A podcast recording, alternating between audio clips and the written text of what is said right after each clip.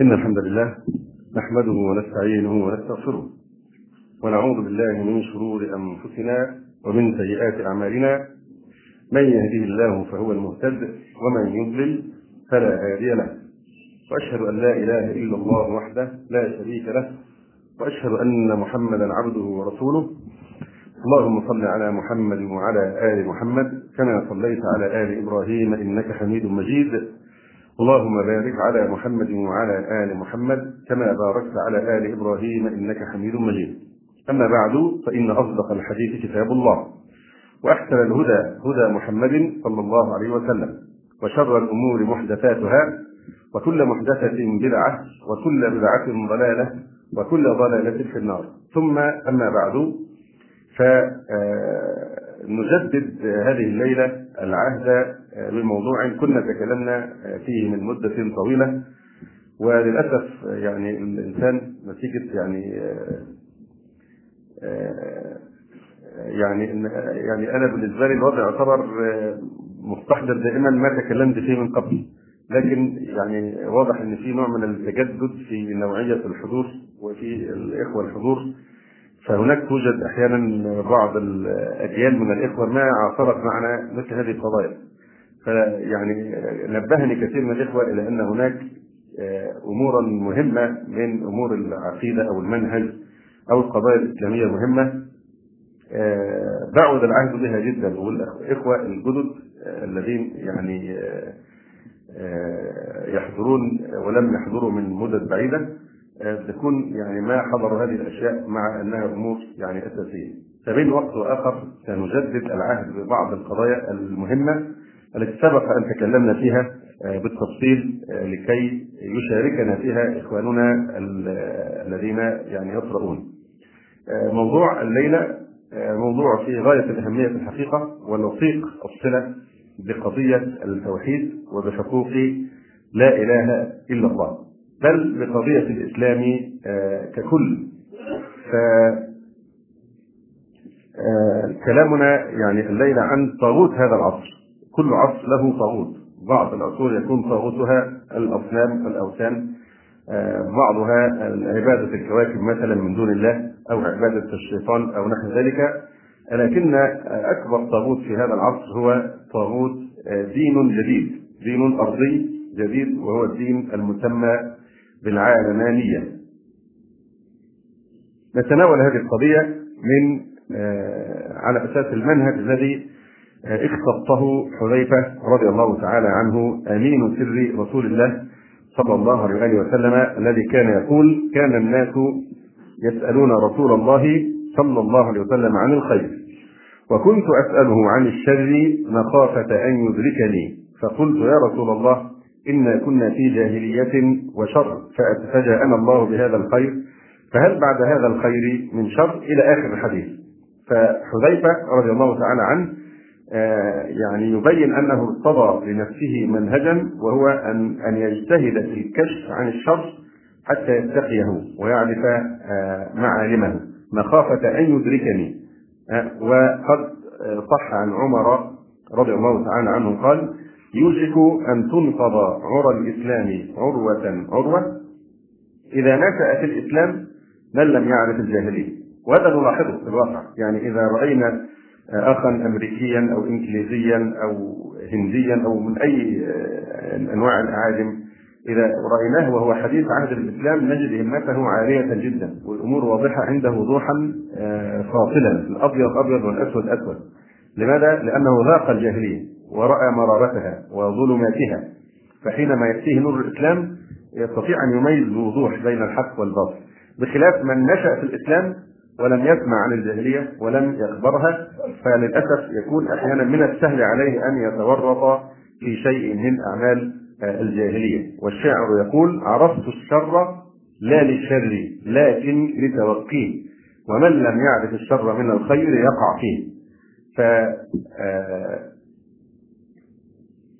العالمانية هي كلمة تعني اللادينية أو الدنيوية.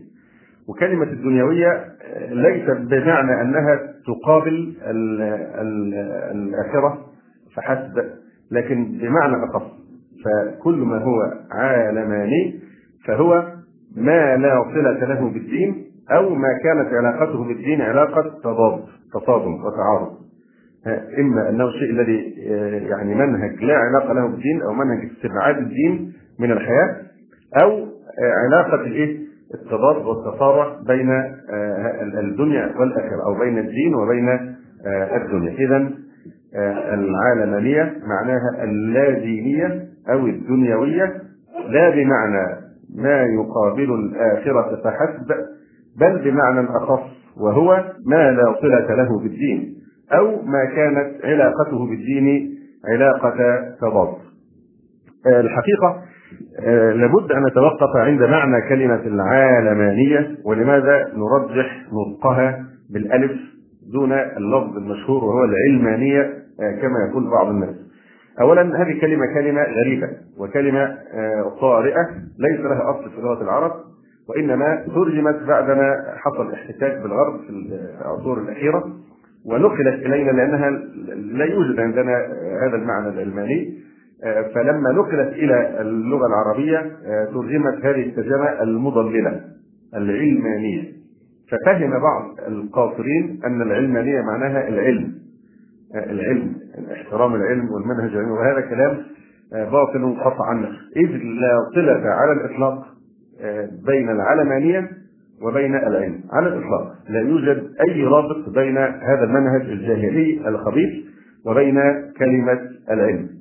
لكن كلمة العالمانية كلمة كما قلنا ليس لها أي أي علاقة بالعلم لكن لها علاقة بالدين ولكن علاقتها بالدين على أساس سلبي وهو أنها تقوم على نفي الدين وعزله عن الحياة.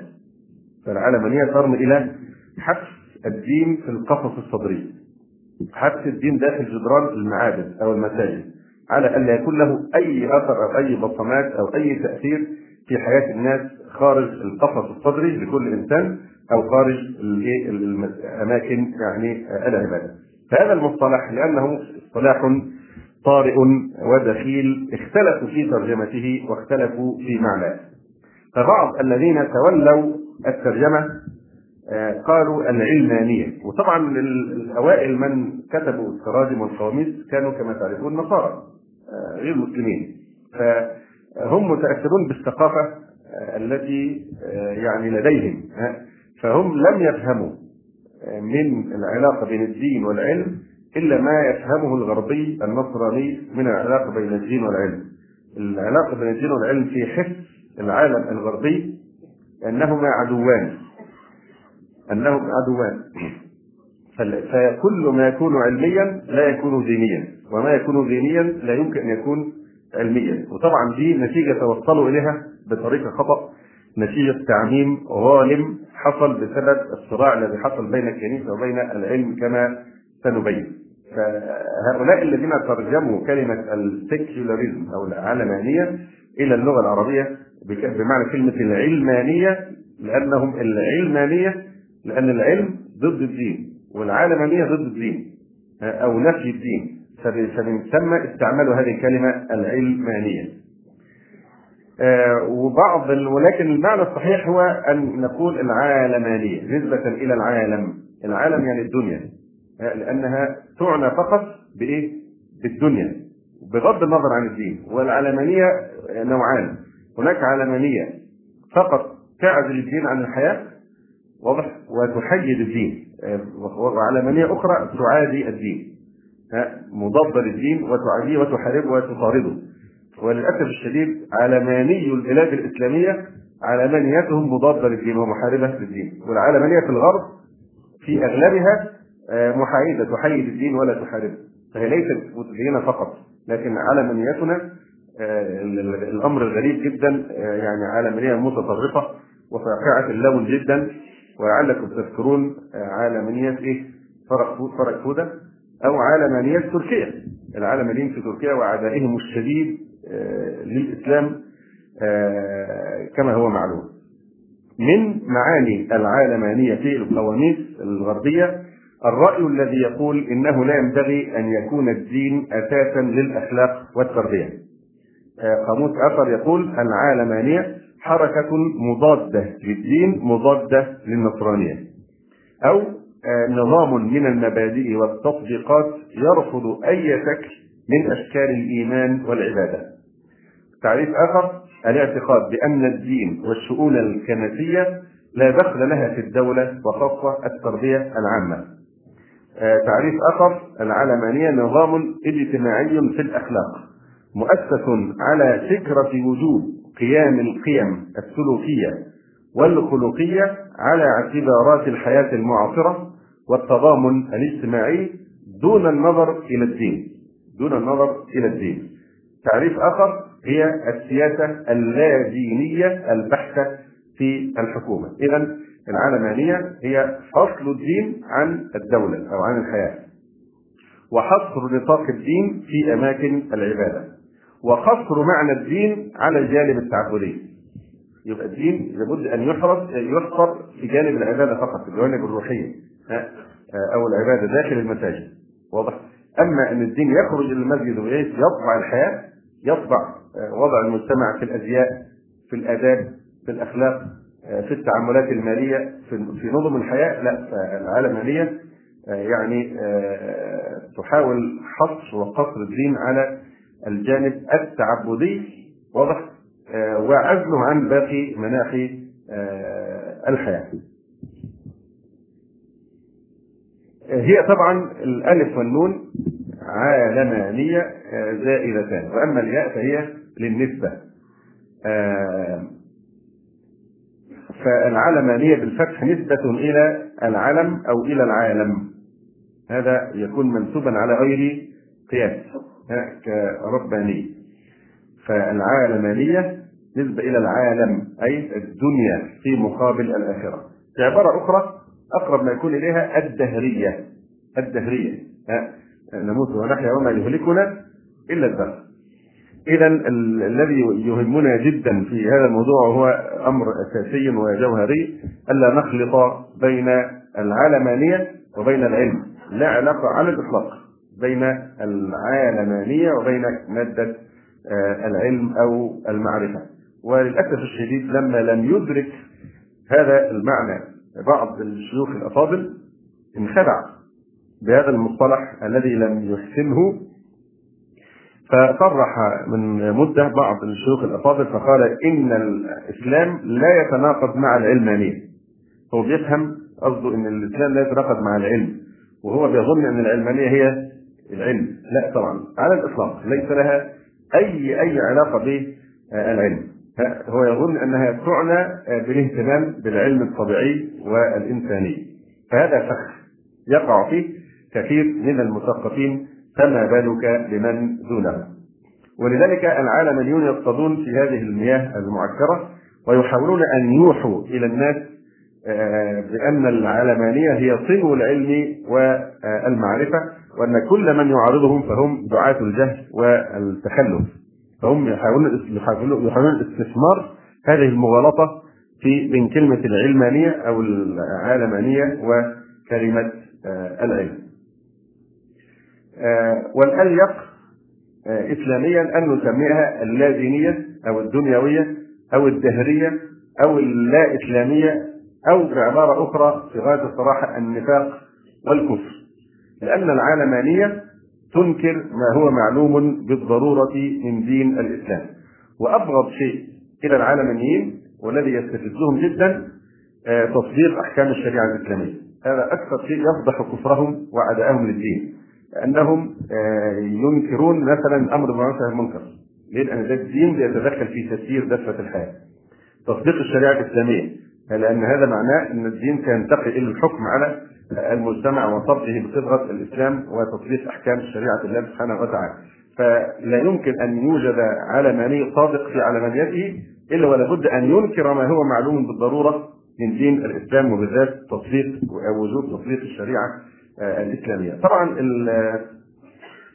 هؤلاء العالميون الذين يحاولون كذبا وزورا ودجلا أن يوهموا الناس أن العلمانية صنو العلم والمعرفة وأن المتدينين دول ناس والجهل والتخلف والجمود والتحجر إلى آخره هم ببغاوات إذا قلت لهم يعني ما سر هذا ما يعرفون لكن إذا رجعت للتراث الغربي يعرفون جيدا إيه السر في العداوة في نظرهم بين العلم وبين الدين. السر هو أنهم لما حرفوا التوراة آه، وكتبهم التي كانت طبعا في اصلها كتبا سماوية ثم طرأ عليها التحريف والتبديل آه، مما حرفوه أنهم زعموا أن الشجرة التي نهى الله سبحانه وتعالى آه، آدم عليه السلام وحواء من الأكل منها هي شجرة البصيرة. وكأن إيه يعني الله سبحانه وتعالى آه، هذا هو جانب الدين والبصيرة هي العلم جانب الدنيا. فافتروا على الله سبحانه وتعالى وزعموا إن هذه الشجرة كانت شجرة من أكلها صار عنده بصيرة ووعي وعلم. فكان الله ينهى آدم من الأكل فيها خشية أن يصبح إيه عنده بصيرة إذا أكل منها. فلما أكل منها اكتسب هذه البصيرة وهذا العلم. ف آه، لذلك غضب الله عليه وطرده من الجنة إلى آخر مزاعمه. العقيدة الإسلامية آه، قصة محورية ومهمة جدا وفهموها على الطريقة التي آه، يعني أثبتها الله سبحانه وتعالى في القرآن الكريم تعديل انحراف جسيم جدا بالذات في عقيدة النصارى واليهود في شأن آدم عليه السلام وفي شأن البشرية كلها وفهم علاقة الإنسان بالدين. لأن عندهم أن آدم تلوث بهذه الخطيئة حينما أكل من الشجرة طرد من الجنة هو وحواء وحلت عليهم اللعنة. صار ملوثين بهذه الخطيئة آه، وصار كل من يولد لهما من الذرية ودي معروفة دي أحد أسرار الكنيسة وأحد إيه أعمدة العقيدة النصرانية اللي هو بيسمى بإيه؟ الخطيئة الأصلية الخطيئة الأصلية ده عمود أساسي في عقيدة الصلب والفداء والمصائب دي كلها نشأة من اعتقادهم في الخطيئة الأصلية، إيه الخطيئة الأصلية؟ أن لما تلوث آدم ولا في زعمهم بهذه الخطيئة حينما أكل من الشجرة آه، ورث الخطيئة لكل ذريته، فكل ذرية آدم ظلت ملوثة بالخطيئة. ومن ثم اشتروا بقى أخذوا من الجماعة البوذيين وقدماء المصريين وهؤلاء الوثنيين أخذوا فكرة الإيه؟ تكليف الآلهة وإن لازم الأب والابن وكذا وإن الإله آه، يعني آه، أرسل ابنه وتجسد في صوره انسان لكي ينتهي الأمر به إلى الصلب والصلب ده يكون هو القربان اللي يمسح الخطيئة عن إيه؟ عن آه، بني البشر. واللي ما امنش بالصلب ليس له نجاة. ليه؟ لأن الصلب ده هو الصلب بتاع الفداء والتخليص يسموه المخلص والفادي ها؟ الفادي أو المخلص انه فدى البشرية بدم ابنه والعياذ بالله كي تزيل عنها هذه الخطيئة. ومع ذلك وقعوا في تناقض آخر. وهو أنهم قالوا إن لابد من تعميد المولود حتى يطهر من أثار الخطيئه لأن أسود يوم في حياة الطفل المولود حديثا الطفل المسكين ده الغلبان اللي لسه مولود عمره سنوات ثواني معدودة ده أسود لحظة في حياته ليه؟ لأنه بينزل ملوثا بخطيئة آدم موروثا الخطيئه الاصليه واضح؟ فهذه أسوأ لحظة ولا يزول عنه هذا التلويث حتى إيه يغطس في المياه اللي الله أعلم بيقدسوها إزاي. أي نعم. فالتغطيس والتعميد إن يتغمس الأولاد في الأطفال الصغار في هذه الأشياء. واضح في الماء المقدس في زعمهم ها آه وبهذا آه يصير نصرانيا. واضح إذا لم يغطس فلا يعتبر لا يعتبر يعني إيه ناجيا أو له حظ في النجاة. أي نعم. سبق أن حكينا قصة أحد آه، الشباب النصراني تأخر تعميده تأخر تعميده لحد ما وصل حوالي 12 سنة فاصطحبه أبوه إلى القسيس آه، كي يعمده فالقسيس أول ما شافه آه، قال له كذا يعني بيتك دعا يعني للراجل أبوه قال له ده لحد دلوقتي أنت مش عارف إن لسه مسلم لحد دلوقتي؟ ده لسه مسلم لأنه لما تعمدش متاخر يبقى ما زال على الإسلام. فاختزن هذا الصبي هذه الكلمة في ذهنه وظل يفكر. وكانت هي السبب في تحوله إلى الإسلام بعد ذلك. لماذا؟ أنه قال يعني اذا أنا كنت في ودي من هو خدها من الشيش قال له أنت مش عارف إن هو لسه مسلم لحد دلوقتي؟ واضح؟ فهو قال لو ربنا سبحانه وتعالى يعلم يعني صبغة أحسن من صبغة الإسلام آه، ما كان فطرني على الإسلام. اذا أنا مفطور على الإسلام. وهو دين الفطره وهو الدين الذي ولدت به. وهذا هو الأصل. فالشاهد أن هذا أداه في النهاية البحث وكذا إلى أنه أسلم. فقضية وراثة الخطيئة الأصلية هذه إحدى العورات الجسيمة في عقيدة النصارى. وهي آه، يعني من الخرافات التي آه، يعني أدخلوها إلى النصرانية من آه، خرافات الوثنيين الهندوس وكذلك قدماء المصريين. نعم.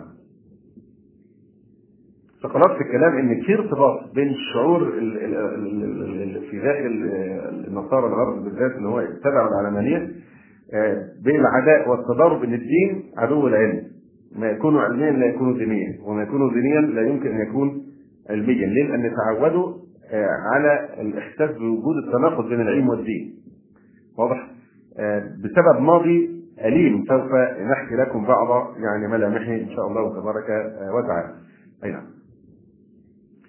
كما قلنا يغالط العالمانيون ويستغلون فرصة الترجمة المحرفة لهذه الكلمة فيحاولون أن يجعلوها مرادفة للعلمية. أي يزعمون أنها تعني استخدام العلم والعقل موهمين بذلك أو مصرحين أن الإسلام ضد العقل وضد آه، العلم. وطبعا آه، نحن المسلمين آه، نعتبر العلم المحمود هو ما قامت عليه الأدلة القاطعة. أما ما أدخل تحت اسم العلم والعلم منه براء فهذا ليس من العلم في شيء. يعني في توجد بالذات الدراسات النفسية والاجتماعية والإنسانية تعتبر دراسات موجهة لخدمة أهداف موضوعة سلفا.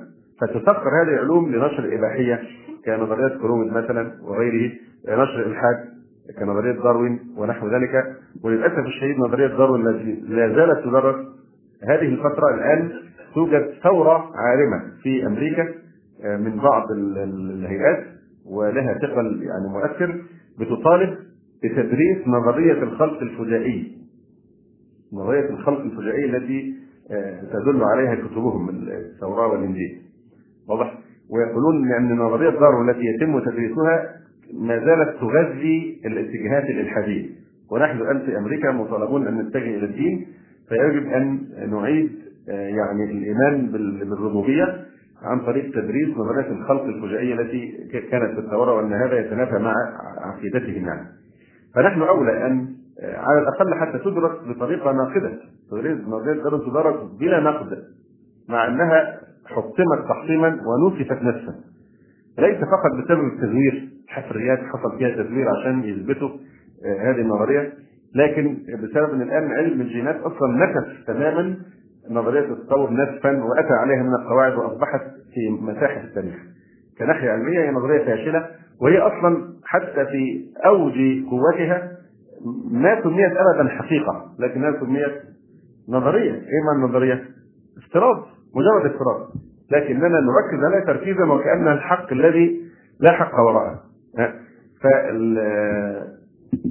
فهناك علوم بتخضع لأهداف موضوعة مسبقا وهي ليست محايدة وإنما منحازة لخدمة هذه الأهداف وبالذات مجال الدراسات النفسية والدراسات الإنسانية والدراسات الاجتماعية آه، يسخرها في المقام الأول اليهود من أجل الإفساد في الأرض وإضعاف عقائد الأمم يعني آه، الأخرى.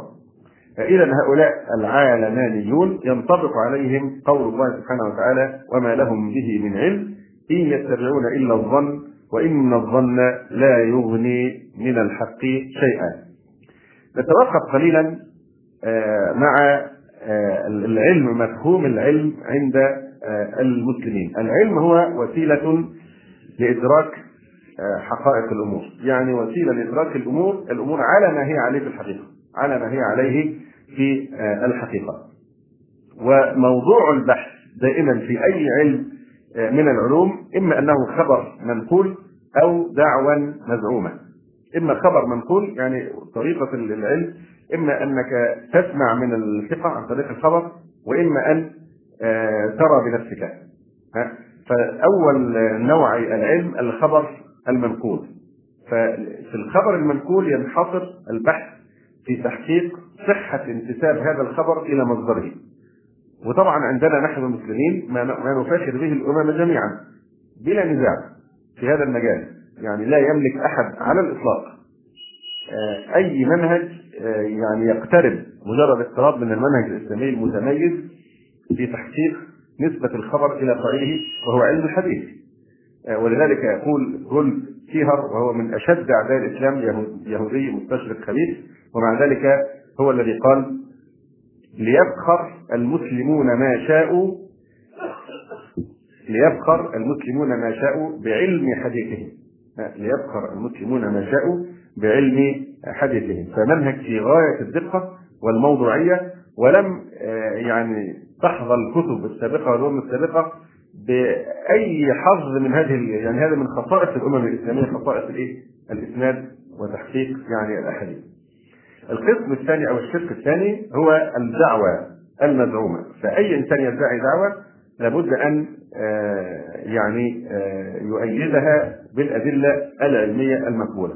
طيب هذه الدعوة إما أنها تتعلق بوجود مادي حسي أو بوجود غيبي. فالوجود المادي الحسي يعني دعوة تتعلق بأمور تخضع للحواس وده العلم الحديث بقى اللي هو الساينس مثلا أو العلوم الحديثة دي كلها آه، دي الجانب المادي من العلوم اللي إحنا بنوصل له عن طريق الحواس اللي هو الحسي. القسم الآخر هو الوجود الغيبي. لأن الفرق بيننا وبين هؤلاء العالميين وهؤلاء الملاحدة آه، أننا ندرك أن بجانب الوجود المادي الحسي هناك عالم غيبي نحن نؤمن به عن طريق إيه؟ إيماننا بالوحي وبالنبوة وبالألوهية إلى آخره. فهذا الوجود الغيبي آه هو الشق الأعظم من شقي العلم. لماذا؟ آه لأنه أخطر المصير يعني الجنة والنار وأمور الإيمان والتوحيد الذين يؤمنون بالغيب. الذين يؤمنون بالغيب هذه أول صفات المؤمنين. واضح؟ فهذا الوجود الغيبي العلم الحديث أو علم المعاصر أو العلوم الطبيعية هذه تتجاهل هذا المجال تماما تماما واضح ومن ثم فنحن نسمي علمهم هذا علما جاهلا آه، كما نشرح يعني إن شاء الله تعالى فالوجود المادي الحسي يعتمد فيه على شواهد وبراهين من الحواس الخمس ودي الوسيلة العلمية التي تسمى المنهج التجريبي العلمي التجربة والمشاهدة ثم يأتي الاستنتاج. طبعا دي بتخضع فقط آه، يعني مجال وهو الوجود المادي الحسي يعني ما يدرك بإحدى الحواس الخمس الايه البصر أو الشم أو الذوق أو اللمس أو السمع فهذا الجانب من العلوم جهز الله سبحانه وتعالى الإنسان بوسائل تميط لسان الجهل عن حقائق المادة هذا الجانب تركه الله سبحانه وتعالى الإنسان يكتشف هو بتطوره وتقدمه آه، وهذا هو مجال هذه العلوم المادية. آه، هذا الجانب بلا شك أبدعت فيه آه، الدول الغربية أو أوروبا بالذات أبدعت ابداعا لا شك فيه في هذا المجال انهم خدموه خدمة كبيرة جدا. وإن كان أساس نهضتهم هو أنهم تركوا أسس هذه العلوم من حضارة المسلمين في آه، الأندلس. هذا شيء معروف. في الدولة الإسلامية كان آه، بلغت آه، مستوى من الرقي مرتفع جدا في هذه العلوم في أثناء فترة الأندلس. وقوة المسلمين اللي هو الفترة المواكبة لما يسمى عندهم الإيه؟ العصور الوسطى وهم لما بيجيبوا سيرة العصور الوسطى بيوصفوها بالإيه؟ المظلمة عصور الظلام ها العصور الوسطى المظلمة ف ولذلك بعض الحمقى من العلمانيين عندنا آه، إذا أرادوا أن يطعنوا في الإسلام يقولوا إيه؟ عايزين يعيدونا للعصور الوسطى المظلمة. لا ده إحنا نقول يا ريت نرجع للعصور الوسطى. لأن العصور الوسطى عندنا إحنا ما ما كانت بالعكس كانت أشد العصور اشرافا بنور العلم والتقدم والنهضة والقوة. كان المسلمون يسودون العالم. كان الغربيون في ذلك الوقت ما يعرفون عادة الاستحمام. لا كانوا يعرفون النظافة وكانوا لما عملوا محاكم التفتيش للمسلمين في الأندلس كانوا الناس طبعا تحت الإكراه والتعذيب والأمور البشعة التي فعلوها كان الناس إيه؟ يعني يخفون إسلامهم من شدة وطأة الكفر عليهم فكانوا يعني آه، من ادعى أنه ليس بمسلم يفتشون بيته. إذا وجدوا فيه حماما فهذا دليل على أنه مسلم. هذا جعل أنه مسلم يتنظف ويغتسل فمن ثم كانوا يقتلونه والدليل إن عنده حمام في بيته. واضح؟ فالشاهد يعني إن حتى الجانب المادي هذا وكثير من منصفيهم يعلن هذا إن فعلا هم يدينون للعالم الإسلامي وللعلم الإسلامي آه، في أسس هذه الحضارة التي سرقوها. وياما الكتب كثيرة جدا من التي يعتدون بها. في شتى العلوم طب جغرافيا آه، إلى آخره مسروقه من المخطوطات الإسلامية، إذا قارنتها بالمخطوطات الإسلامية تجد هي عملية ترجمة. ثم ينتحلونها وينسبونها إلى آه، أنفسهم.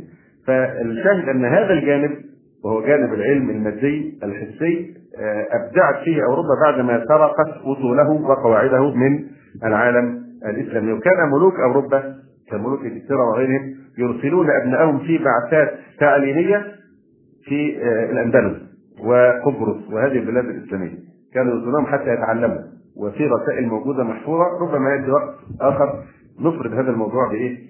بكلام عن حضارة المسلمين آه، يعني من قبل في العصور الوسطى هذه واضح؟ بل كان الطلبة الذين يفدون من كل أنحاء أوروبا إلى البلاد الإسلامية لطلب العلم فيها آه، كانوا إذا رجعوا إلى بلادهم يفتخرون آه، على ذويهم وأقاربهم وأصدقائهم فكانوا إذا يتكلمون إيه يعني في وسط الكلام يروحوا متكلمين باصطلاحات إيه؟ باللغة العربية ليظهروا أنهم ذهبوا وتعلموا في بلاد المسلمين. حتى شاعت هذه الظاهرة وذاعت حتى اضطرت الكنيسة لإصدار تهديد قالت إن هؤلاء الشبان الرقعاء الذين يذهبون لطلب العلم في بلاد المسلمين ثم يعودون إلى إلى بلادهم يعني يبدأون كلامهم بلغة بلادهم ثم يعني يدخلون في أثناء كلامهم كلمات باللغة العربية حتى يعرف الناس أنهم تعلموا في بلاد المسلمين. هؤلاء إن لم يكفوا عن ذلك فسوف تصدر الكنيسة ضدهم قرارات حرمان. قرارات حرمان للجنه واضح؟ أيوه ما هذه حقيقة مش واضح. فالشاهد يعني من الكلام آه، أن القرون الوسطى الذي يقول الجهله بين وقت واخر أنتم تريدون إعادتنا إلى القرون الوسطى المظلمه دي مظلمه عند أسيادهم هم. كانت مظلمة عند أسيادهم في الغرب. أما المسلمون فكانوا في أزهى يعني أوضاع التقدم الحضاري والعلمي وكانوا سادة يعني الدنيا. فهذا فيما يتعلق بالوجود الأول وهو الوجود المادي الحسي. فالإسلام لا يتعارض مع هذا النوع من العلم بالعكس الإسلام يحرض عليه والآيات في ذلك كثيرة. الجزء الآخر من الوجود في وجود مادي حسي ترك البشر ليعملوا آه، يعني عقولهم آه، وعلومهم كي يستنبطوه وكي يستخرجوه. القسم الأخر وهو الوجود الغيبي. الوجود آه، الغيبي. طبعا هذا القسم يتضمن الشق الأعظم من قسمي العلوم.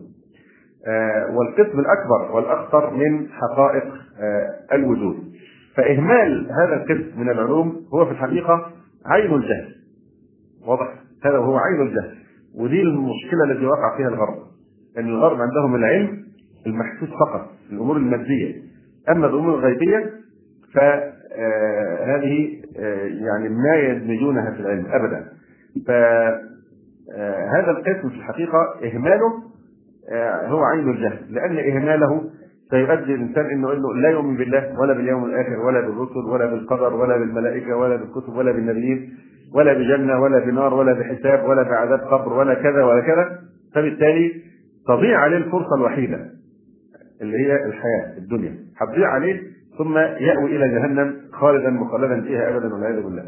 يقول النبي صلى الله عليه وآله وسلم إن الله يبغض كل جعظمي جواظ سخاب في الأسواق جيفة بالليل حمار بالنهار عالم بأمر الدنيا جاهل بأمر الآخرة عالم بأمر الدنيا جاهل بأمر الآخرة.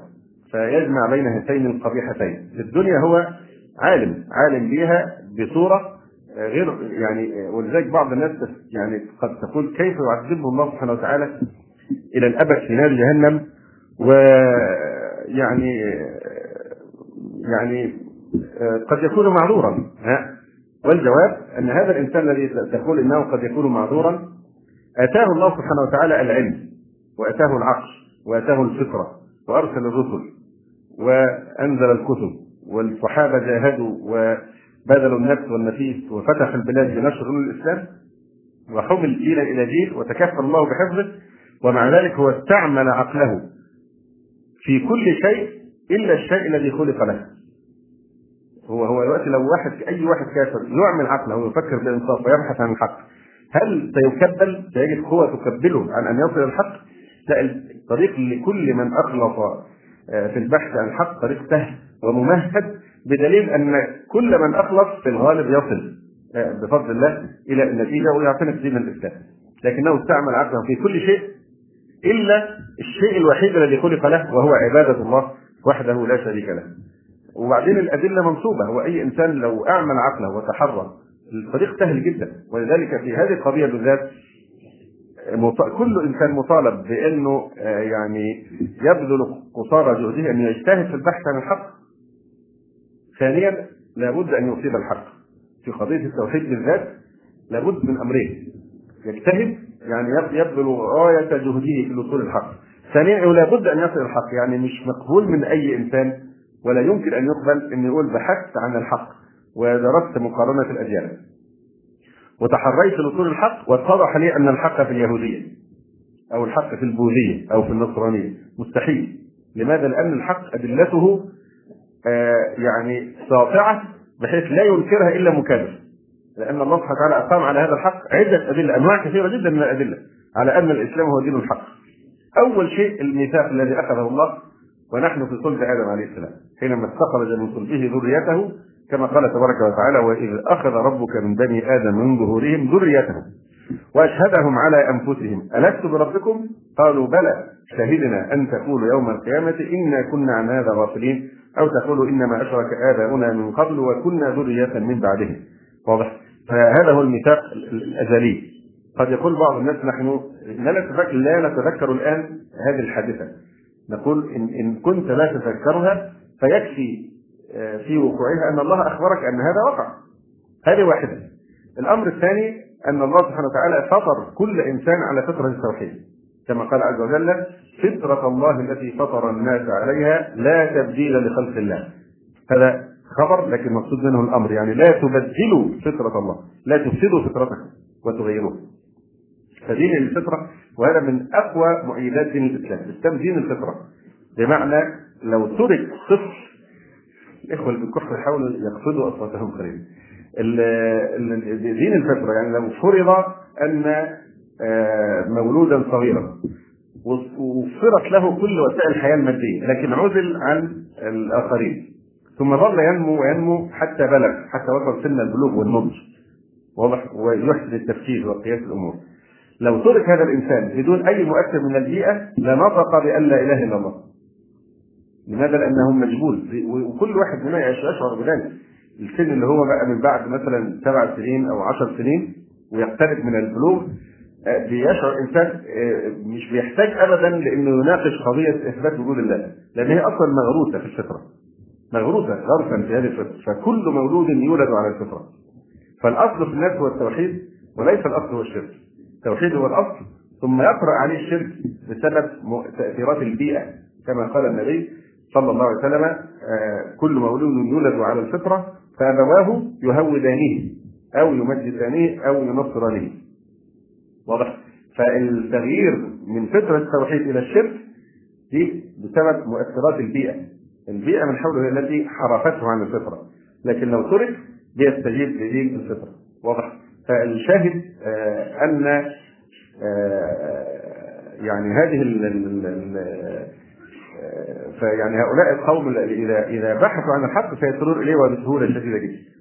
العقل آتاهم الله العقل. اولا كما قلنا أخذ عليهم ميثاق في إيه؟ من من من قبل خلق السماوات والأرض ب 50000 سنة. ميثاق المعروف. ثانيا خطرهم على التوحيد. ثالثا أتاهم العقل يعني ميز الله سبحانه وتعالى الإنسان عن البهائم بالعقل فاستعمل عقله في كل شيء إلا الشيء الذي خلق له كما نرى من هؤلاء الكفار. الاشتغال بأدق أدق الأمور. واحد يعمل رسالة دكتوراه في أفضل طريقة لغسل الأطباق مثلا. والتفاهات التي يشتغلون فيها. عالم بأمر الدنيا جاهل بأمر الآخرة. أتاه الله سبحانه وتعالى كما قلنا الفطرة الميثاق العقل أنزل الكتب. بث آياته في في في الآفاق وفي أنفسنا. سنريهم آياتنا في الآفاق وفي أنفسهم. حتى يتبين لهم أنه الحق. حتى يتبين لهم أنه الحق. الآيات التكوينية نور على نور. نور الآيات التكوينية مع نور الآيات التنزيلية. واضح؟ فلأن مصدر الحقائق القرآنية هو الله سبحانه وتعالى الوحي ومصدر الحقائق المبثوثه في الأفاق وفي أنفسنا أيضا هو الله لأنه الذي خلقها وقال تعالى ألا يعلم من خلق؟ وهو اللطيف الخبير. ولذلك لم يقع تعارض على الإطلاق ولا يمكن أن يقع تعارض بين حقيقة إسلامية قرآنية ها وبين حقيقة علمية. مش ممكن. ده شيء بديهي ليه؟ لأن الذي خلق الحقائق وبثها في الأفاق وفي الأنفس هو الله والذي أنزل القرآن والسنة هو الله عز وجل. فكيف يتعارضان؟ الخلل يكون إما حديث يكون غير صحيح واضح؟ آه، أو يكون تفسير الناس له هو اللي فيه يعني الخلل. لكن حقيقة علمية وصلت لمرتبة أنها حقيقة لا يمكن أبدا ولم يعرف الإسلام على الإطلاق تعارضا بين العلم وبين الدين أو بين حقائق العلم وحقائق الدين. فالكلام ده مش معانا إحنا الكلام ده مع الناس اللي هنتكلم يعني عليه إن شاء الله فيما آه، يأتي. واضح؟ آه، ويقول الله تبارك وتعالى في شأن هؤلاء القوم ولكن أكثر الناس لا يعلمون يعلمون ظاهرا من الحياة الدنيا وهم عن الآخرة هم غافلون. ما إعراب يعلمون ظاهرا. بدل بدل من إيه؟ لا يعلمون. يعني دي تساوي دي. تأملوا الآية في سورة الروم. ولكن أكثر الناس لا يعلمون يعلمون. فنفهم من هذا إيه؟ نفهم من هذا أنهم يعلمون علما كلا علم بحيث صح أن ينفى عنهم بعدما أثبت. ولكن أكثر الناس لا يعلمون يعلمون شيئا ليس بعلم ولذلك هم لا يعلمون. إيه هو هذا الذي يعلمونه؟ يعلمون ظاهرا من الحياة الدنيا. كل همهم الكلام على الظواهر فقط. دون الوصول إلى ما تدل عليه هذه الظواهر من توحيد الله تبارك وتعالى؟ يعلمون ظاهرا من الحياة الدنيا. يجوا عند ظاهرة مثلا مثل ظاهرة الزلازل. كل همهم في الزلازل إيه؟ وصف الزلزال بمقياس ريختر كم درجة؟ والزلازل دي طبقات جيولوجية بتتزحلق على بعضها مش عارف يحصل كذا إلى آخر هذا الكلام. فقط هذا كل ما عندهم.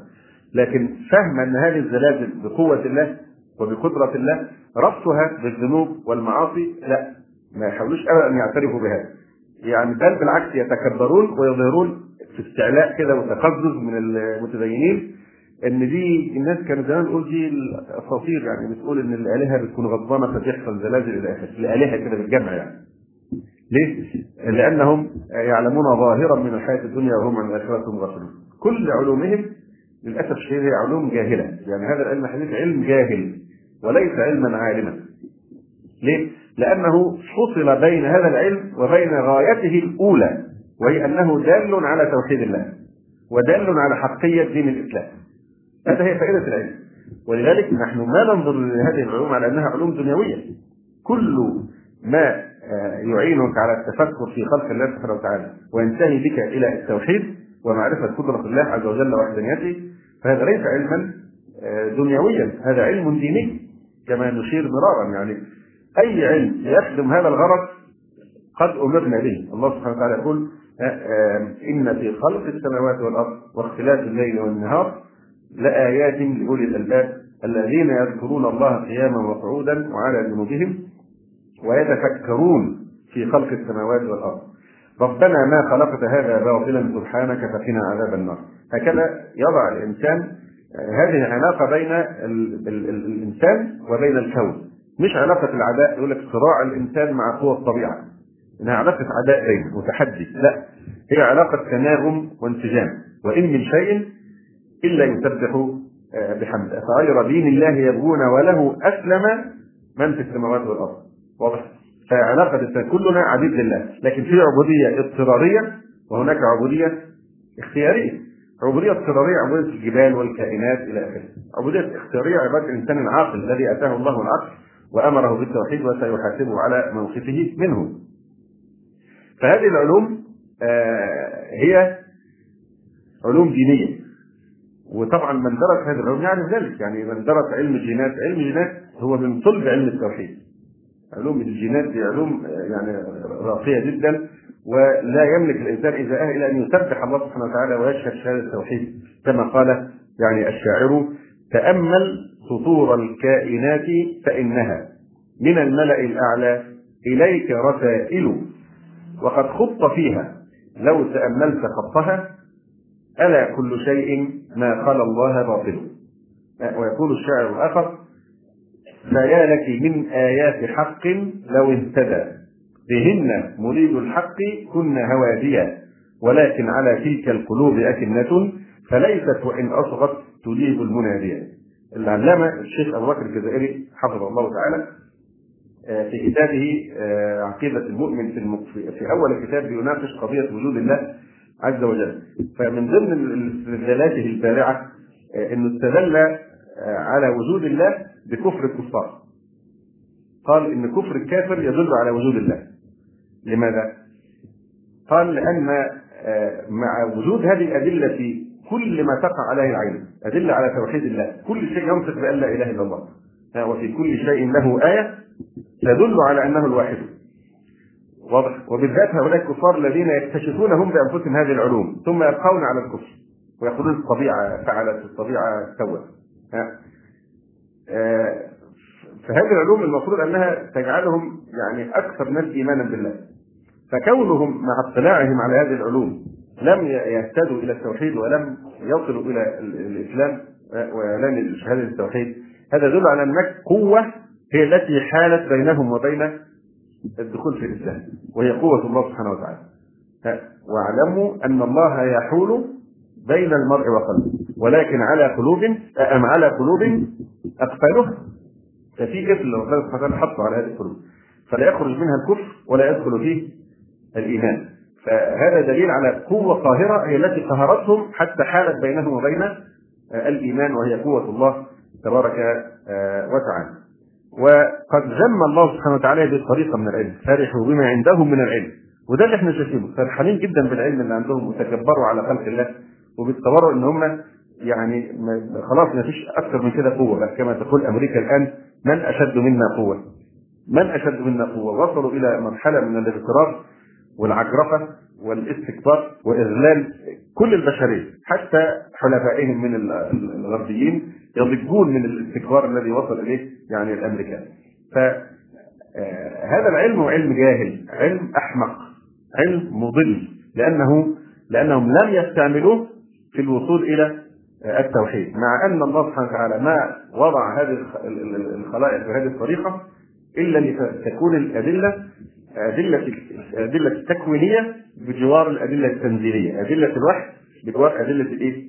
الأنفس والآفاق، وفي أنفسكم أفلا تبصرون؟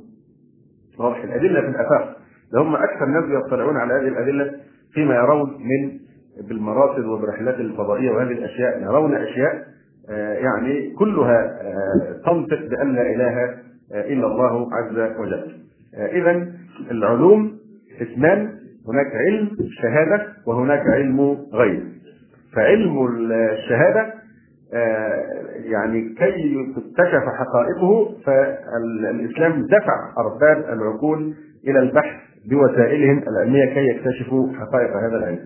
أما علم الغيب فلا يوجد طريق على الإطلاق. للوصول إلى علم الغيب إلا بإيه؟ بالوحي فقط. لا سبيل على الإطلاق لأن يكتشف الإنسان امور على ما هي عليه في الحقيقة آه، آه، اللي هي العلم الغيب العلوم الغيبية إلا عن طريق الوحي الصادق من الله آه، تبارك وتعالى.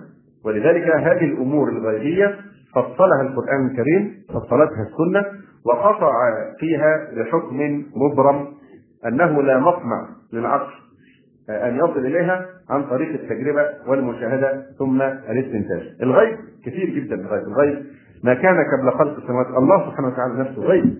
نحن لا نرى الله عز وجل لكن نؤمن به. فهذه الحقيقة العظمى، الله عز وجل، معرفة الله.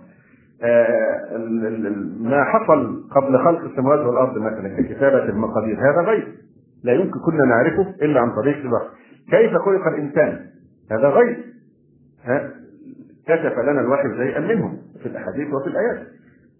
واضح. وقال عز وجل ما أشهدتهم خلق السماوات والأرض ولا خلق أنفسهم وما كنت متخذ المضلين عضدا ما غاب عنا الآن فهو غيب من أحوال الكون الموجودة الآن الملائكة الجان ونحو ذلك.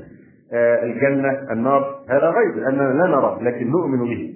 البعث والنشور آه القيامة الملائكة الجنة النار إلى آخره كل هذه غيوب فهذا القسم الأهم من العلوم هذا هو العلم الخطير. لأن إنسان شاء أم أبى سوف يؤول بحكم العبودية الاضطرارية إلى الموت. ورغما عنه مش هيقدر يعترض ساعتها مش هيقدر يقول لملك الموت إيه طب إديني فرصة ثانية. هو أخذ الفرصة وضيعها. نحن نعيش مرة واحدة. واضح؟ فالإنسان إما أن يغتنم هذه المرة وإما يخسر يعني الخسران المبين.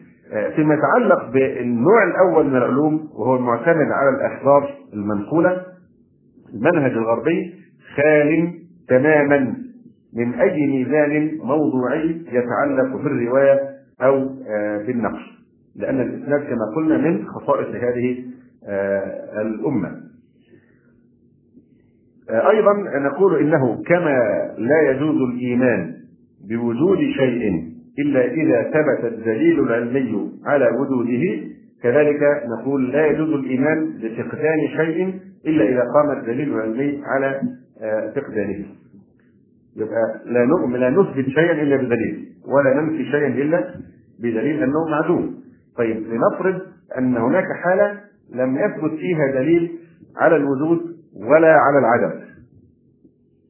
في هذه الحالة هذه حالة إيه نسبية يعني الإنسان في موقف معين ليس عنده دليل لا على الوجود ولا دليل على العدم. فهذه حالة يتلبس بها الإنسان نفسه وليس بالشيء المبحوث عنه.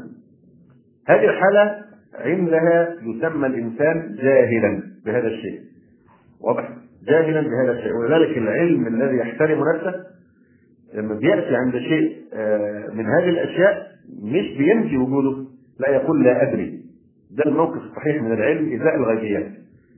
واضح يعني كوني أنا لا أعرف ما وراء هذا الجدار لا يعطيني الحق في أن أنفي وجود شيء وراء الجدار. لا أنا لا أقول أنا لا أدري فهذه حاله نسبية تتلبس بي أنا. ربما منكم من يعرف ما وراء لكن أنا لا أعرف.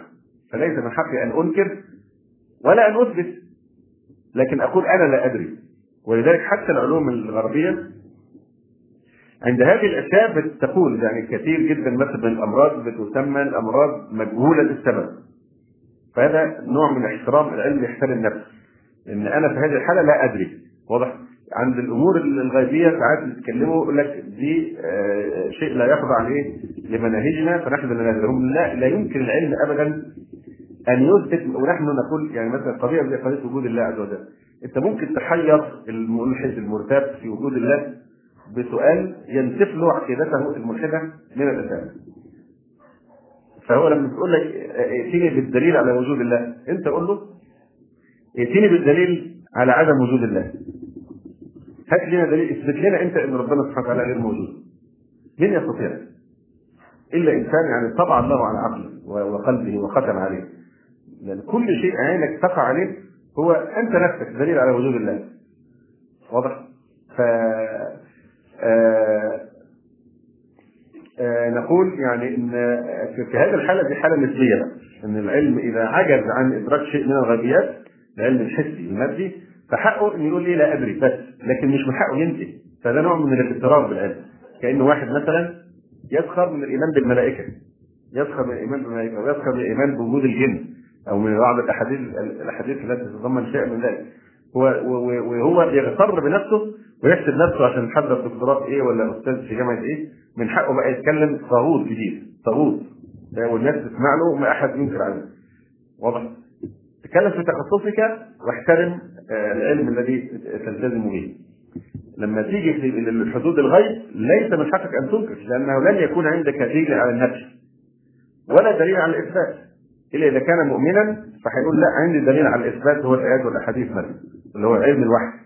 لكن حتى لو كان ملحدا مش من حقه ينكر ليه؟ لأنه لا يستطيع أن يأتي بدليل على عدم وجود شيء مثلا وراء النجوم والكواكب وهذه الأشياء لأنها مجهولة بالنسبة له فالعلم هنا يكون إيه؟ جاهلا وليس من حقه أن ينكر هذه الحقائق. طبعا نحن في الإسلام لم نعرف على الإطلاق صراعا بين الدين وبين العلم لأن القضية دي ببساطه آه، الدين هو واحد من عند الله عز وجل والعلم حقائق خلقها الله. وإحنا بنتكلم عن الحقائق مش النظريات مش الأمور اللي هي لسه افتراضات. بنتكلم على ما فعلا ثبت أنه حقيقة علمية. فما عرف ابدا في الإسلام تصادم بين آه، الدين وبين العلم على الإطلاق. بس العلم اللي هو حقيقة مش اللي هو العلم اللي هو يعني آه، نظري يقول الله تبارك وتعالى يعني الإسلام لو تتبعت مادة العلم في القرآن الكريم وقوله أفلا يتفكرون أفلا يعقلون أفلا يسمعون أفلا يبصرون يعني مال الحواس والحث على البحث عن الحقيقة عن طريق العلم ده هو دي خاصية الإسلام ده هو دين العلم يقول الله عز وجل ولا تقف ما ليس لك به علم إن السمع والبصر والفؤاد كل أولئك كان عنه مسؤول. بل إن المعجزة العظمى لنبينا صلى الله عليه وسلم هي معجزة علمية. القران الكريم أول كلمة نزل بها الوحي كلمة اقرأ. هو دين العلم اقرأ. كذلك آه، ثاني سورة نزلت هي سورة إيه؟ القلم نون والقلم وما آه، يذكرون فمعجزة نبينا صلى الله عليه وسلم هي معجزة علمية. ولذلك قال النبي صلى الله عليه وسلم آه، ما من نبي من الأنبياء إلا أوتي من الآيات آه، ما على مثله آمن البشر. وإنما كان الذي أوتيته وحيا أوحاه الله إليه فلذلك أرجو أن أكون أكثرهم تابعا يوم القيامة صلى الله عليه وسلم. يعني كانت المعجزات الماضية للأنبياء السابقين عيسى وموسى وغير من الأنبياء عليهم السلام كانت المعجزة معجزة حسية ظاهرة للجيل الموجود ساعتها. لكن بمجرد آه، انتهاء هذه المعجزة والقراءة ذلك الجيل تصبح خبرا خبر عن معجزة. لكن لا يراها الناس ويتعاملون معها إيه؟ بصورة آه، مباشرة. واضح؟ فالعطاء أو إحياء الموتى أو شفاء الأكمه والأبرص على يد عيسى عليه السلام كل هذا معجزات أخذت وقتها وانتهت. وصارت بعد ذلك خبرا يذكر. ما عدا معجزة محمد صلى الله عليه وسلم والتي هي أساسا القرآن الكريم فهي معجزة قائمة تتحدى الناس إلى آخر آه، يعني الزمان. تتحداهم بأن يأتوا بمثل هذا القرآن.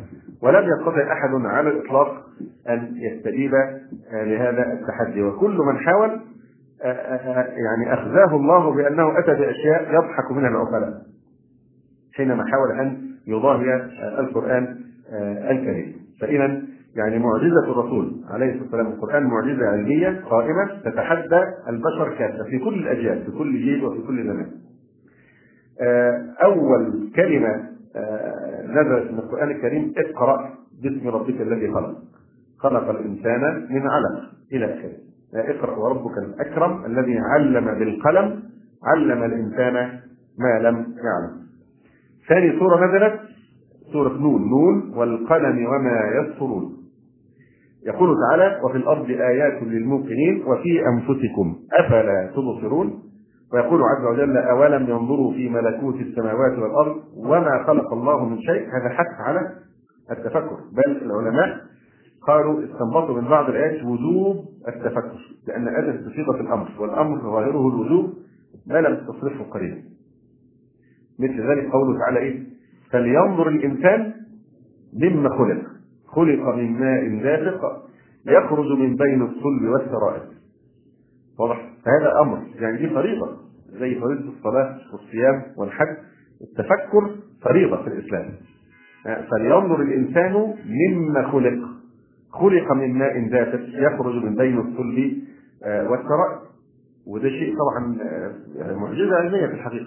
لماذا؟ لأن الإشارة آه، يخرج من بين الصلب والسرائر. الإشارة إلى يعني آه، غدتين آه، يعني يتسببان في آه، إفراز يعني ما يخلق منه الإنسان.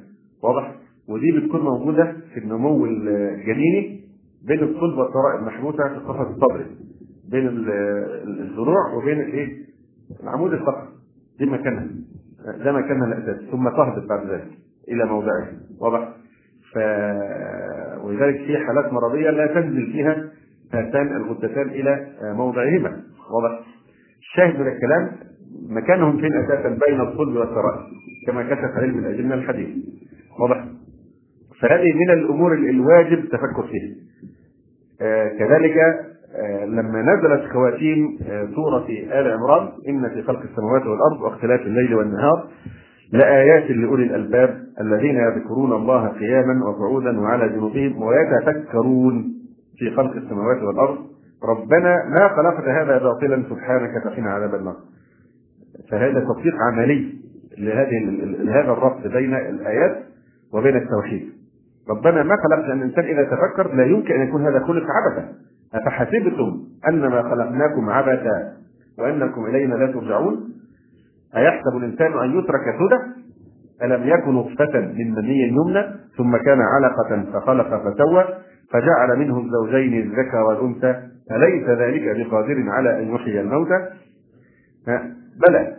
ويقول الله تبارك آه، و آه، النبي عليه الصلاة والسلام لما نزلت هذه الآيات في أواخر آل عمران آه، بكى بكاء شديدا. ثم قال لقد أنزل علي الليلة آيات.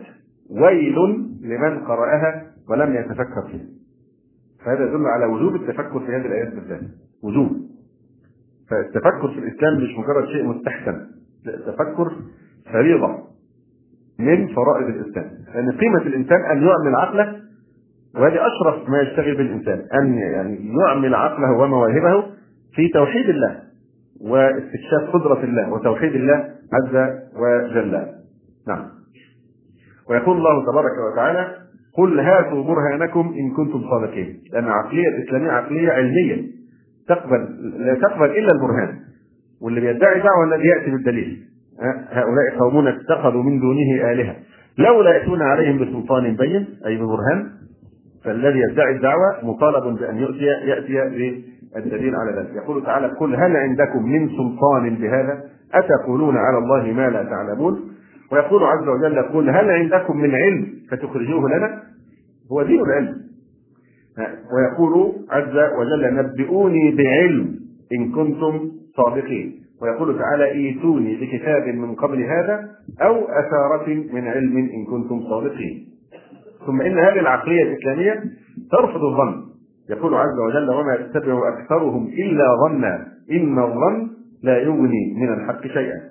عقلية ترفض الهوى. يقول تعالى ومن أضل ممن اتبع هواه بغير هدى من الله. وذلك دايما يأتي الوحي في مقابلة الهوى. مثل هذه الآية ومن أضل ممن اتبع هواه الهوى بغير هدى من الله وهو الوحي. يقول تبارك وتعالى ثم جعلناك على شريعة من الأمر فاتبعها ولا تتبع أهواء الذين لا يعلمون. أهواء الذين لا يعلمون الهوى في مقابلة الوحي. فإن لم يستجيبوا لك فاعلم أنما يتبعون أهواءهم. فالاستجابة للوحي مقابلها اتباع آه، الهوى. عقلية ترفض آه، تقليد الآباء والأجداد. أولو كان آباؤهم لا يعلمون شيئا ولا يهتدون. عقلية ترفض اتباع الآخرين بغير حجة ولو كانوا سادة. وقالوا ربنا إنا أطعنا سادتنا وكبراءنا فأضلونا السبيل كذلك آه، فضل الله سبحانه وتعالى آدم بالعلم. ده في القرآن الكريم بعكس بقى ما عند الجماعة دول اللي حرفوا التوراة وادعوا إن الشجرة كانت شجرة البصيرة وإن الله سبحانه وتعالى كان يخشى إن آدم يأكل منها فيصبح عنده بصيرة آه، وهذه الخرافات. لا ده هي عقلية آه، كما نقول يعني الإسلام يثبت أن آدم كرم أساسا بالعلم وعلم آدم الأسماء كلها ثم عرضهم على الملائكة. فقال أنبئوني بأسماء هؤلاء إن كنتم صادقين. قالوا سبحانك لا علم لنا إلا ما علمتنا إنك أنت العليم الحكيم. قال يا آدم أنبئهم بأسمائهم. فلما أنبأهم بأسمائهم قال ألم أقل لكم إني أعلم غيب السماوات والأرض وأعلم ما تبدون وما كنتم تكتمون. بعدما أظهر شرف آدم على الملائكة بالعلم حينئذ أمر الملائكة بالسجود لآدم. بعدما كرمه بالعلم. فهذا هو الموقف الحقيقي أن الله سبحانه وتعالى يحب العلم ويحب من عباده العلماء ويرفع شأن العلماء ويرفع درجاتهم بالعلم. واضح؟ مش زي ما الجماعة دول يفترضوا إن العلم عدو للدين. وإن كل ما زاد الإنسان علم كل ما زاد إلحادا وكفرا بالله تبارك وتعالى. فآدم فضل بالعلم. مش كانت المشكلة إن إن هو أكل من شجرة البصيرة. يوسف عليه السلام الذي أوتي شطر الحسن.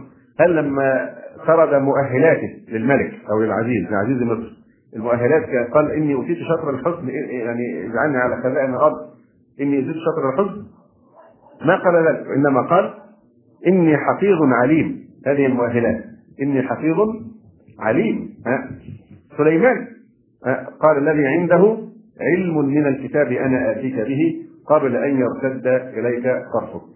ثم الإسلام ما عرفت عقيدة أو دين يعني شن حربا شعواء على الجهل والخرافة والأوهام والكهانة والعرافة وهذه الأشياء مثل الإسلام دين التوحيد محاربه التمائم والأحجبة وهذه الخرافات. أما أمور الدنيا فقال فيها أنتم أعلم بأمور دنياكم. أنتم اعلم أعلم بأمور دنياكم. يأتي العلمانيون الملاحدة آه، وما يعرفون من كل الإسلام وكل السنة ما يعرفون منها إلا هذا الحديث. كل ما تكلموا في شيء يقول لك الرسول عليه الصلاة والسلام أنتم أعلم بشؤون دنياكم. صحيح هذا في أمور دنيانا المباحه واضح الذي لا علاقة لها بالدين لكن لو جه الشرع تعرض لأمر اي أمر هو أصلا من أمور الدنيا وتعرض له بأمر أو بنهي فحينئذ فإنه يخرج من الدنيا وينتقل إلى الدين. ها؟ تحريم مثلا الحرير على الرجال والذهب على الرجال. هو في الأصل عادة ومن أمور الدنيا لكن متى ما تكلم فيه النبي عليه الصلاة والسلام ينتقل من إيه؟ أمور العادة إلى أمور العبادة لأنه تناوله الشرع بإيه؟ بإيجاب أو بتحريم أو بكراهة أو باستحباب ونحو آه ذلك ثم إن القرآن الكريم وهو كتاب العلم والبصيرة والتفكر والبرهان والحقائق آه، تجد القرآن الكريم مشحون شحنا مشحون شحنا بالأدلة الدليل تلو الدليل دليل ما تكاد تخلو صفحه من القرآن الكريم إلا وأدلة. إما أدلة على التوحيد أدلة على البعث آه، والنشور أدلة على صدق رسالة النبي عليه الصلاة والسلام أدلة على الجزاء آه، ونحو ذلك. ثم هذه الشريعة شريعة منطقية. يعني لا تفرق بين متماثلين ولا تسوي بين مختلفين ولذلك كان القياس من أصولهم. هذه توسيع دائرة الاجتهاد. فاذا يعني هذا حديث حقيقة مهم جدا لكن نكتفي بهذا القدر من الكلام على قضية العلم في المفهوم الإسلامي وإن ما عرف ابدا على الإطلاق تعارض بين العلم وبين الدين والإسلام هو دين العلم وحقيقة أخرى في غاية الأهمية وهو أن المسلمين لما تمسكوا بالإسلام ارتقوا وكانوا سادة العالم كله أو فتحوا البلاد كلها. المسلمون وصلوا إلى حد يعني أنهم توغلوا في أحشاء فرنسا ودخلوا سويسرا. المسلمون كانوا على وشك يعني يفتحوا كل أوروبا. كل أوروبا كانت هتدخل في الإسلام. لكن بسبب الشيعة الدولة الصفوية يعني المسلمون دخلوا حتى قلب فيينا. حتى قلب فيينا. وكانوا على وشك لو لأن فيينا كانت طبعا عاصمة الإمبراطورية الشرقية فلو سقطت كانت هتنهار ويدخلوا بقى على الناحية الغربية. وكل أوروبا. واضح. فلذلك أنا رحت فيينا وفيينا مدينة شاذة شوية في تركيبها لأن هي عبارة عن دوائر مش زي أي مدينة تقسم إلى أحياء. واضح؟ فيينا عبارة عن المركز يبقى دايرة كده ثم يليه الحي الثاني دايرة أوسع ثم الحي الثالث دايرة أوسع. واضح؟ ففي شارع يصل إلى قلب فيينا اسمه طابور اشتراك يعني شارع الطابور الطابور يعني الجيش بالتركي. فلأن يسمون ان في هذا الشارع وصل الجيش التركي وكان على وشك يفتح فيينا وفيينا يعني بلد مشغولة جدا بالإسلام. يعني إحنا يعني حتى علم فيينا له علاقة بالإسلام. حتى العلم. علم فيينا علم النمسا أقصد عبارة عن ثلاث خطوط ثلاث خطوط اثنين من فوق يعني واحد فوق أحمر وتحت أحمر وفي النص إيه؟ أبيض. إيه قصته؟ القسيس اللي هو معروف عندهم كان قسيس. كان النهر اللي هو بيفصل في قلب فيينا على اليمين كان واقف الجيش التركي وعلى الضفة الأخرى كان واقف هؤلاء الغربيون حصل قتال شديد راسمين لوحة على احد الشوارع تجد في الشارع مثلا لوحة كبيرة جدا مرسومة الناس ملتحين في الجهة اليمين ملتحين رافعين لا إله إلا الله والهلال والجهة الأخرى الصلبان والقساوسه والنصارى يعني يقاتلون المسلمين. مسمينه شارع الطابور. آه، حصل أثناء القتال إن آه، يعني واحد من يسمونهم القديسين يعني قاتل قتالا آه، شديدا في المسلمين. إلى أن قتله الله سبحانه وتعالى وقتله المسلمون. فكان هذا الرجل يلبس أبيض ملابس بيضاء وفي حزام في الوسط يعني يتمنطق به وكان محكما جدا. ماسكه جامد يعني هنا في هذه المنطقة في الوسط. فطبعا هو من كثرة الجراحات تلصق باللون الأحمر. فلما أهلكه الله ورفعوا الحزام اللي في الوسط فكان أحمر من فوق وأحمر من تحت وإيه؟ والمنطقة تحت الحزام كانت إيه؟ بيضاء. فتخليدا لذكراه في زعمهم اتخذوا منه علم النمسا. فعلم النمسا يشير لهذه الإيه؟ اللحظة وهذه الحقيقة وإن النمسا بتعتبر نفسها لها فضل على كل أوروبا على باقي أوروبا الغربية لأنها هي التي وقفت دون وصول المسلمين إلى آه، داخلها لأن لو كانت سقطت كان كانت والله أعلم كان كل أوروبا تدخل في الإسلام. طبعا هذا من شؤمهم آه، لكن الحقيقة مش لأن هم أبطال واوقفوا المادة الإسلامية لا لأن الخليفة طعن في ظهره بسبب الشيعة قاتلهم الله إنه كانوا دايما الخليفة كل ما يدخل العثمانيون اوروبا لفتحها يروح ويدخلوا تركيا من الجيش الإسلامي يجي الجيش الاسماعيلي بتاع إسماعيل الشاه إسماعيل الصفواني من إيران ويدخل دار الخلافة ويحتل العاصمة. فيضطر جيش الخلافة يرجع تاني عشان يطاردهم واضح؟ فهم السبب في انحسار المجد الإسلامي هؤلاء الرافضة أخذهم الله. واضح؟ آه مش عارف إيه اللي خلاني ندخل في الموضوع ده. ها؟ أي نعم. فيعني آه،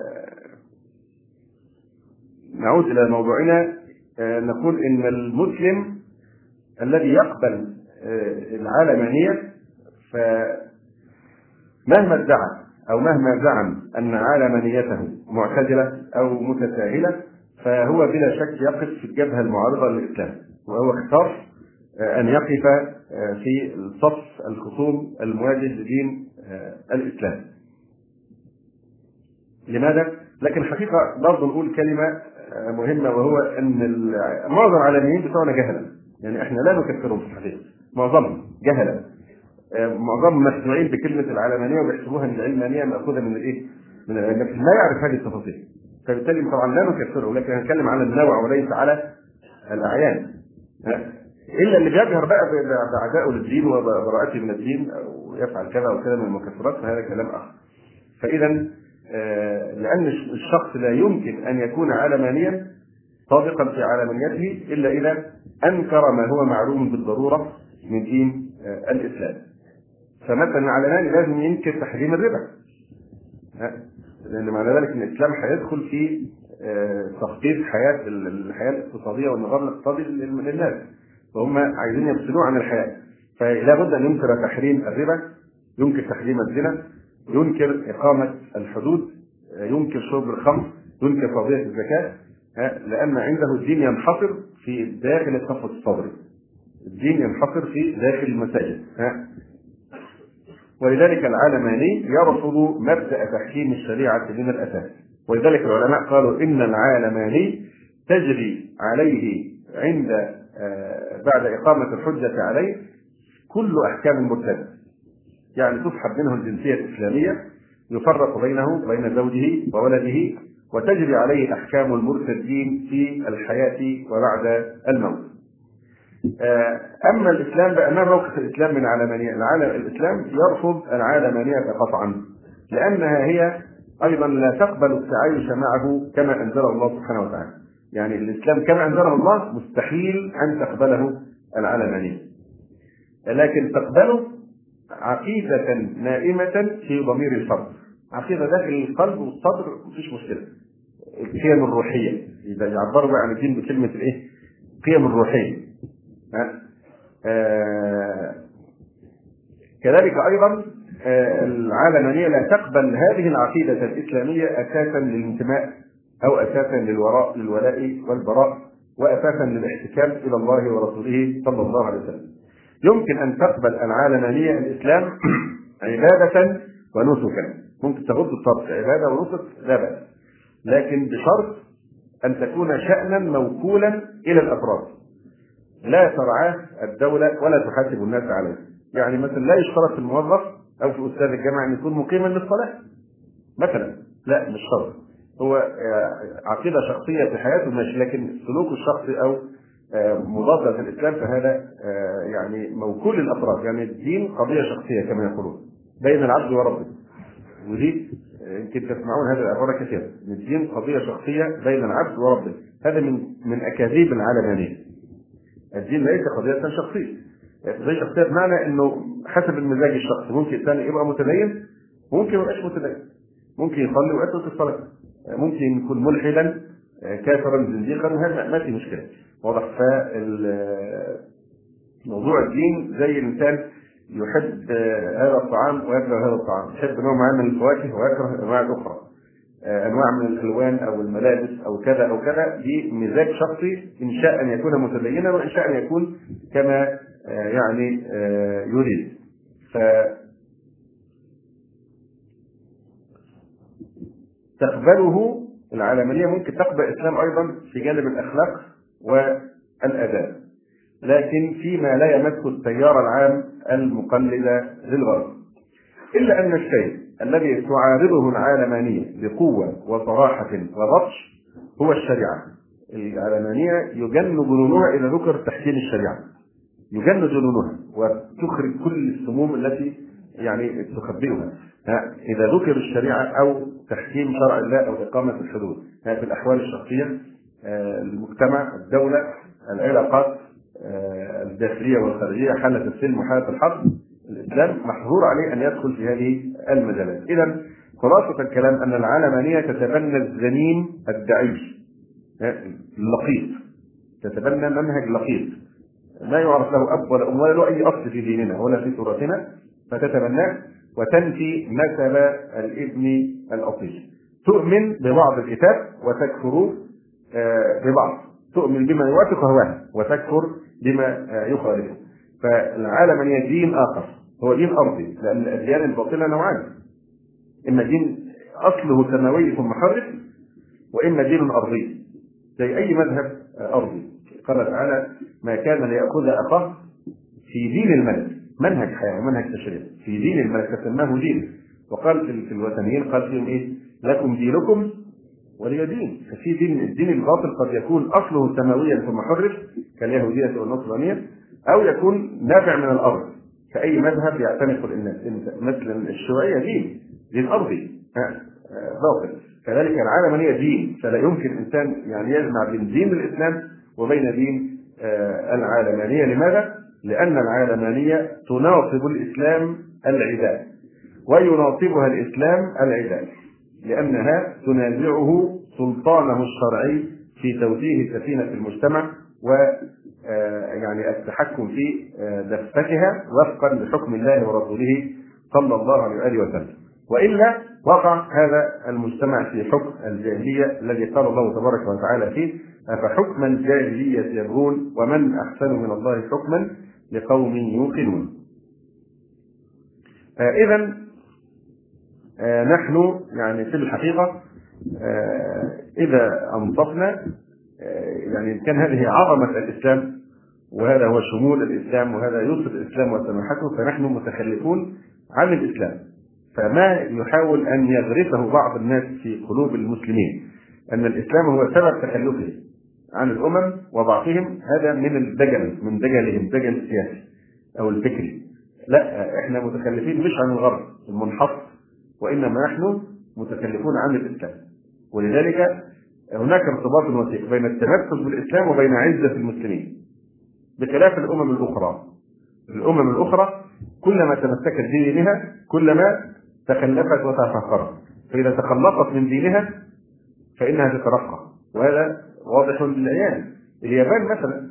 اليابان لما تخلت عن وثنيتها هي ما عن وثنيتها يعني على الأقل عبادة الإمبراطور لأن تعرفون قبل الحرب العالمية الإمبراطور كان يعبد كإله فكان من الشروط أن يوضع حد لهذا الموضوع شروط أمريكا على اليابان في إذلالها في الحرب العالمية الثانية إنه إيه؟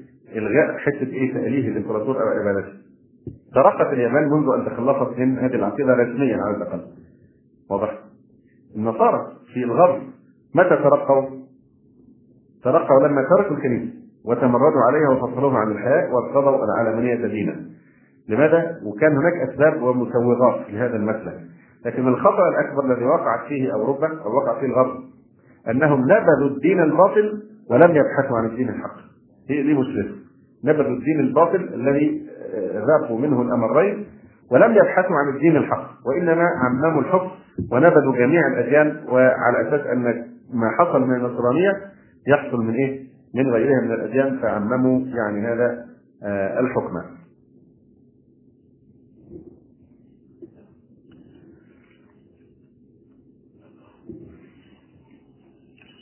آه، ماذا عن الأساس آه، الفكري ل يعني المجتمع الغربي وبخاصه فيما يتعلق بالعالمانيه. طبعا بعض المتعصبين من النصارى الجهلة أحيانا يحتجون على بعض المسلمين يقولون انظروا إلى العالم المتقدم تجدونه أساسا إيه؟ نصرانية أمريكا نصرانية وأوروبا نصرانية إلى آخره وهذا من الدجل أيضا ومن الخلط في الأوراق آه وهذه مغالطة مكشوفة كما قلنا ليه؟ لأن أوروبا وأمريكا لم تتقدم في عالم المادة إلا بعد أن ودعت النصارى آه بصورة آه نهائية. أي نعم. وطبعا يعني عملية الصراع الصراع دائما بين الحق وبين آه، الباطل. هذه إحدى آه، سنن الله تبارك وتعالى. يقول الله عز وجل وطبعا يعني هذا الكلام إحنا بنرسل الآن قاعدة قبل ما ندخل في التفاصيل. وهي قاعدة إيه؟ أن لكل فعل رد فعل. يساويه في المقدار ويضاده في الاتجاه. مش دي قوانين الميكانيكا مظبوط ولا مش أنا نسيت. آه لكل فعل رد فعل يساويه في المقدار ويضاده في الاتجاه. آه هذا هذه السنة هي سنة من سنن الله سبحانه وتعالى في الوجود ويدل لها القرآن الكريم. يقول الله عز وجل ولولا دفع الله الناس بعضهم ببعض ها لإيه؟ لفسدت الأرض. وقال تبارك وتعالى وجزاء سيئة سيئة مثلها. وقال تعالى كذلك يضرب الله الحق والباطل. آه ويعني المعروف أن حتى في عالم الطبيعيات آه، إذا حصل هجوم من الجراثيم مثلا على الجسم فإن آه، كرات الدم البيضاء بتسارع إلى العملية الدفاعية المضادة. إزاء هذا آه، الغاز. كذلك هذا القانون موجود في عالم الأفكار وعالم العقائد التدافع بين الحق وبين الباطل. كذلك قانون آخر وهو أن البقاء للأصلح هذا أيضا موجود آه، وبصورة أقوى في عالم المبادئ والقيم فمثل هذه القوانين سنن لا تتخلف حتى لو طال الزمان زي ما في لكل فعل رد فعل آه، آه، يساويه في المقدار ويضاد في الاتجاه. في عالم الطبيعيات كذلك في عالم المبادئ والعقائد يوجد نفس الشيء. ولذلك ما أظن إن موضوع القوه الواحدة التي تقود العالم هذا سيدوم طويلا لأنه لأنه غير متناسق مع هذا القانون. ودي سنة. فلا بد هيطلع لها حد أمريكا برضه إن شاء الله يذلها ويخلص يعني حقوق الناس اللي إيه اللي بتفتري عليهم يعني. وكذلك كما نقول قانون البقاء للأصلح هذا قانون وسنة كما قال تعالى فأما الزبد فيذهب دفاء وأما ما ينفع الناس فيمكث في الأرض فلا بد أن تكون العاقبة للتقوى والعاقبة آه، للمتقين. آه، أيضا نقول إن العالمانية في بلادنا الإسلامية هي عضو غريب مثل العضو الغريب حينما يزرع في آه، جسد حي آخر. الجسد طبعا معروف أنه يقاوم العضو الغريب لكن مع الزمن من ناحية ومع الإضعاف المتعمد المتوالي لعنصر المقاومة يعني لما بييجوا يزرعوا جسم غريب في داخل جسم حي بيحصل إيه؟ بيحاولوا يدوه كمية كبيرة جدا من المضادات الحيوية وأساليب معينة بحيث تضعف جهاز المناعة وتقل المقاومة لهذا العضو الغريب فيستسلم الجسد في الآخر ويتقبله. فنفس الشيء أيضا يحصل في آه، عالم الأفكار والمبادئ والغزو الفكري. آه، تحدث اول مقاومه للفكره الغريبة أو العقيدة الغريبة ثم مع إضعاف المناعة بقى عن طريق الغزو الفكري سموم الفكرية المناهج التعليمية المخربة إلى آخره فبيبدأ الجسم يتقبل هذه السموم وعندنا نموذج أوضح ما يكون في تركيا. تركيا التي وصل عداؤها لكل ما فيه رائحة الإسلام مش إسلام رائحة الإسلام. إلى حد صدر قانون كما قلت لكم من عدة أشهر في تركيا يجرم أو يعني يحرم على الآباء أن يسموا ابنائهم أسماء إسلامية متميزة. قانون إن لا يسمح بتسجيل المواليد بأسماء إسلامية متميزة، لازم اسم وطني. وذكروا أمثلة زيد وبلال وفاطمة الزهراء إلى آخر هذه الأسماء. دي محرمه خلاص في تركيا، حتى حتى هذه بقانون يمنعونها في تركيا. ف يعني هذا نقول بين يدي الكلام على ظروف نشأة العلمانية أولا في الغرب ثم يعني في بلاد المسلمين نطل إطلالة على ظروف أوروبا في القرون الوسطى. أولا بالنسبة للظروف الدينية أو الفكرية والعقدية في ذلك الوقت كان أخطر هذه المظاهر تسلط الكنيسة. كانت الكنيسة متسلطة تسلطا شديدا على الحياة في أوروبا. ماذا قدمت الكنيسة للناس؟ يعني شوفوا الناس دي يعني لما تمردت على الكنيسة هل كان ده فعلا طبقا لقانون لكل فعل رد فعل أم لا؟ عشان نعرف كيف نشأت العلمانية في الغرب ونعرف أيضا أنه لا يوجد مبرر لأن ننقلها عندنا في بلاد المسلمين على الإطلاق. أول شيء بدعة الشرك عقيدة محرقة شركية متمثلة في تثليث الآلهة قول بأن الله والعياذ بالله ثلاثة إلى آخره فكرة الصلب والصليب والفداء وأن كيف أن تشوه فهمهم لقصة آدم عليه السلام وقصة الخطيئة الأصلية وإن وذاك الغربيين الآن لما بعدوا عن النصرانية أي معظم الغربيين إذا فتحت معاه تقول له أنت نصراني ولا أنت إيه دينك؟ يقول لك أنا يعني أجدادي نصارى بس أنا لا أنا أنا بريء يعني بيحاول دايما يبرئ نفسه من النصرانية أنا عارف إنها عار إنها رسمه عقل ليه؟ لأن كلامه متناقض مع العقل ومع يعني الفطرة. ففكرة الصلب فكرة الصليب الفداء الخطيئه الأصلية والخطيئه التي تورث للأجيال. في حين أن الله سبحانه وتعالى يعني تاب على آدم كما قال عز وجل. دي حقيقة مهمة جدا. إن آدم ما اهبط إلى الأرض إلا وقد تاب الله عليه. فتلقى آدم من ربه كلمات فتاب عليه. فتاب الله على آدم منتهت قضية الخطيئة. وبقي نزول آدم الأرض من جنس الإيه؟ المصائب. مصائب قدرها الله. كأي مصيبة تقدر على الإنسان فكذلك كان نزول آدم إلى الأرض هو مصيبة. كما جاء في حديث محاجة آدم وموسى. لذلك لما احتج آدم على موسى بإيه؟ بالقدر السابق. ألم ترى أن هذا كان قد كتب علي من قبل؟ قال نعم. فحج آدم موسى. لأنه احتج بالقدر على مصيبة. ولكن الذنب كان قد غفر لآدم عليه السلام. أما القول ف يعني قالوا انه انه الخطيئة ورثت وكان لابد علشان ترفع الخطيئة أن يتوسط ابن الله تعالى الله عما يقولون علوا كبيرا ويظهر في شكل إنسان ثم يطلب مظلوما ليكفر عن خطيئة البشر. أين هذا من قوله تعالى لم ينبأ بما في صحف موسى وإبراهيم الذي وفى ألا تزر وازرة وزر أخرى وأن ليس للإنسان إلا ما سعى وأن سعيه سوف يرى ثم يجزاه الجزاء الأوفى وأن إلى ربك المنتهى. فده إيه؟ تأملوا ده الكلام ده حكاية. القرآن يحكي عن كتب الذي نبدأ بما في صحف موسى وإبراهيم الذي وفى.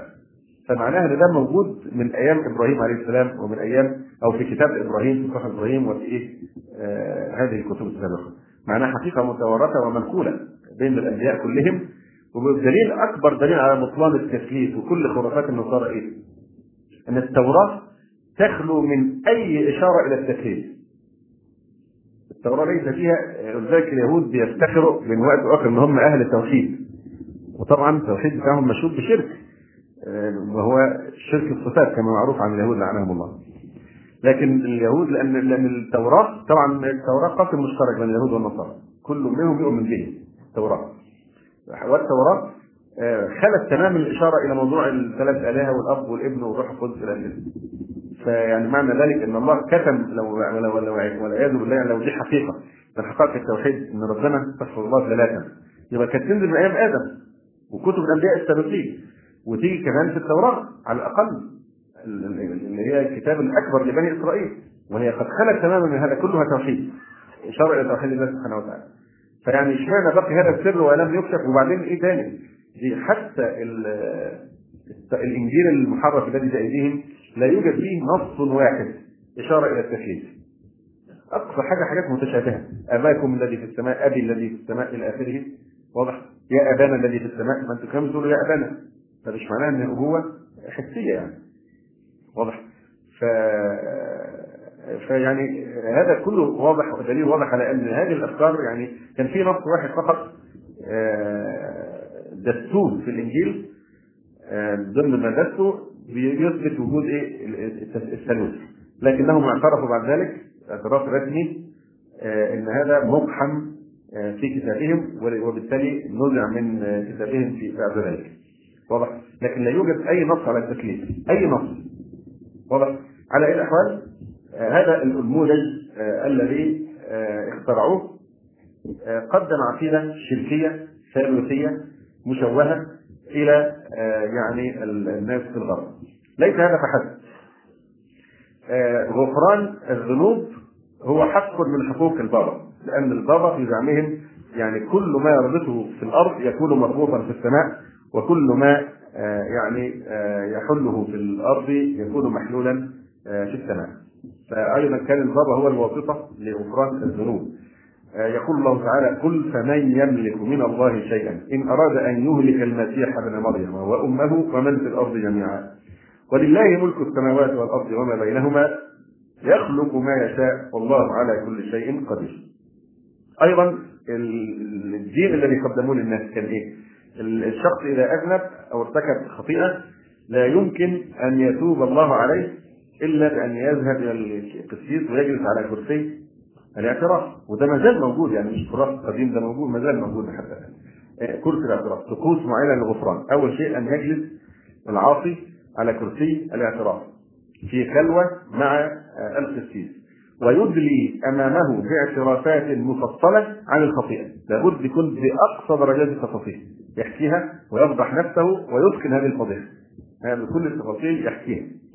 ثم بعد ذلك آه، يعني القسيس يصدر إيه صك آه، بالمغفرة مقابل شيء من المال مقابل رسوم معينة يدفعها يغفر له وهذا المال إما بيقول إلى يعني تجارة أو تأخذه الكنيسة وذلك الكنيسة كانت طبقه إقطاعية خطيرة واثرت من هذا المجال إثراء يعني فاحشا.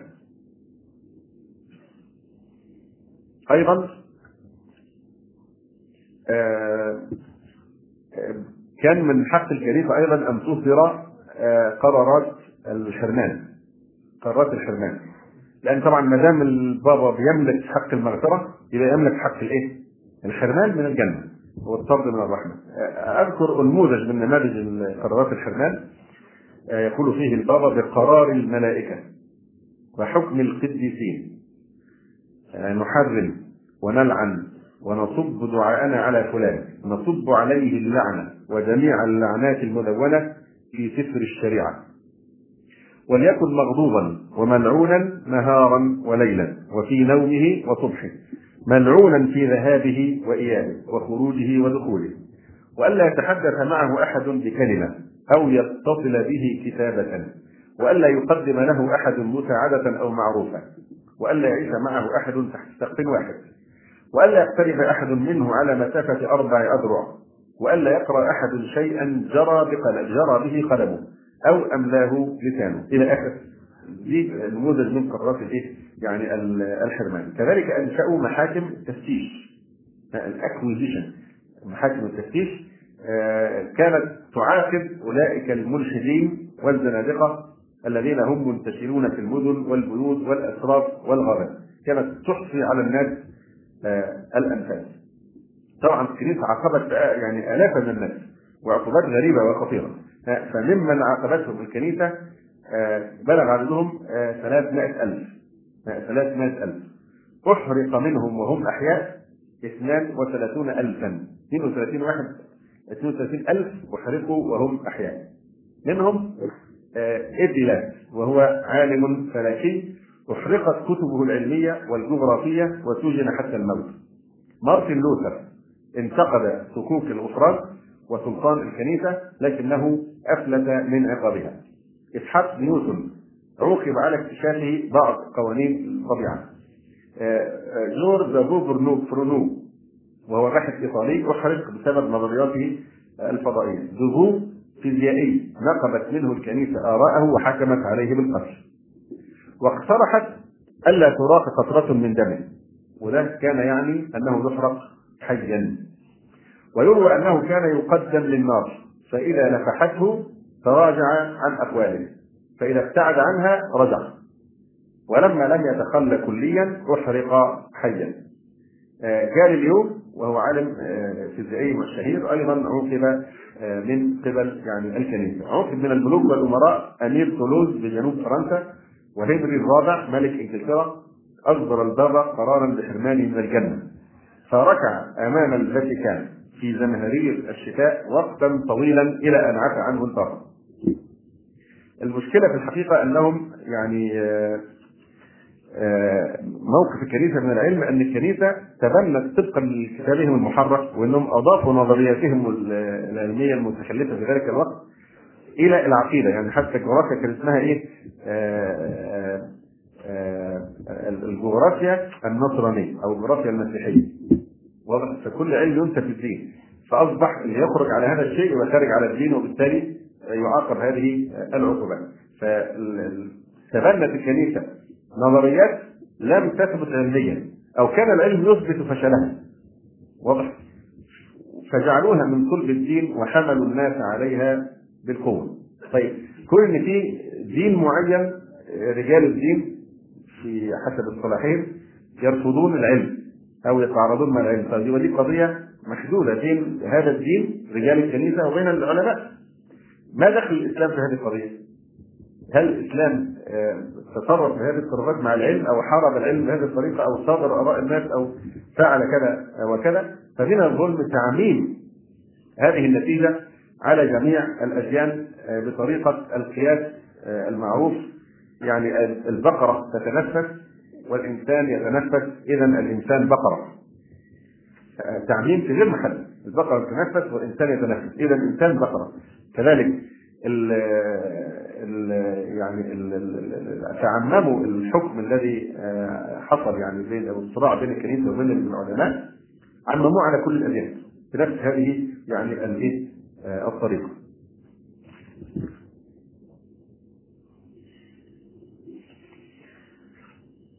أيضا في الناحية العملية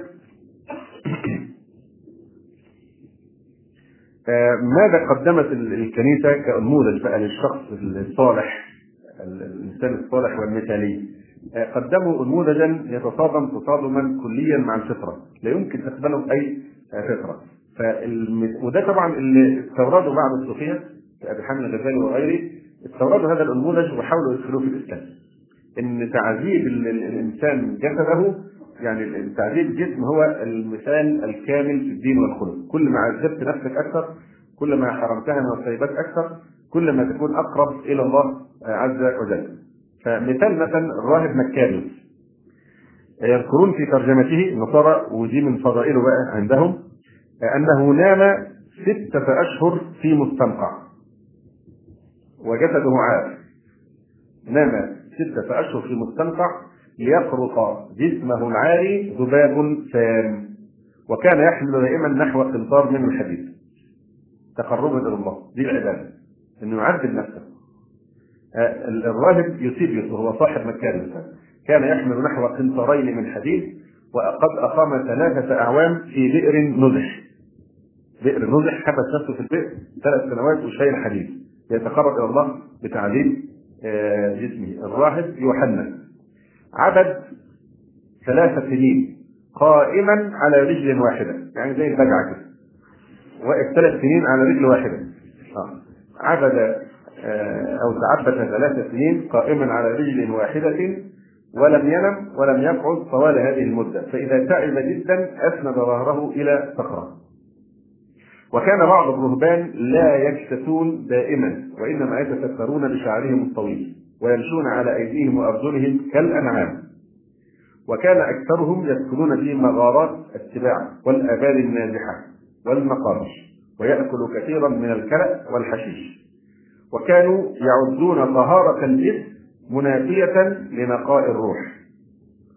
قذارة الجسم آه، تتوافق مع نقاء الروح والعكس. يعني إذا نظف جسمه يبقى كده روحه خبيثة فكانوا يعدون طهارة الجسم منافية لنقاء الروح ويتأثمون من غسل الأعضاء. مصيبة إنسان يغسل أو الجسد جسد أو يستحم أو كذا دي عار. وأزهد الناس عندهم وأتقاهم أبعدهم عن الطهارة وأوغلهم في النجاسات والدنس يقول الراهب أتهينة يحكي بقى يترجم لسلفه الصالح يقول إن الراهب أنتوني. لم يقترف إثم غسل الرجلين طول عمره. إن الراهب أنتوني لم يقترف إثم غسل الرجلين طول عمره. وكان الراهب إبراهام لم يمس وجهه ولا رجله الماء خمسين سنة. وقال الراهب الإسكندري بعد زمن متلهفا وأسفا لقد كنا في زمن نعد غسل الوجه حراما. فإذا بنا الآن ندخل الحمامات وكان الرهبان يتجولون في البلاد ويختطفون الأطفال ويهربونهم إلى الصحراء والأديار وينتزعون الصبيان من شحور أمهاتهم ويربونهم تربية رهبانية. وعرف كبار الرهبان ومشاهير التاريخ النصراني بالمهارة في التهريب.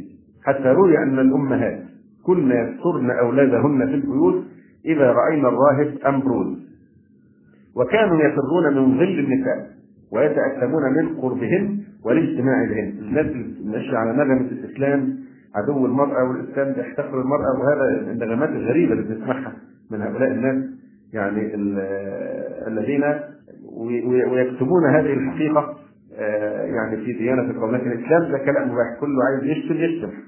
ده شيء مباح. كل إنسان يسب ويشتم كما يشاء.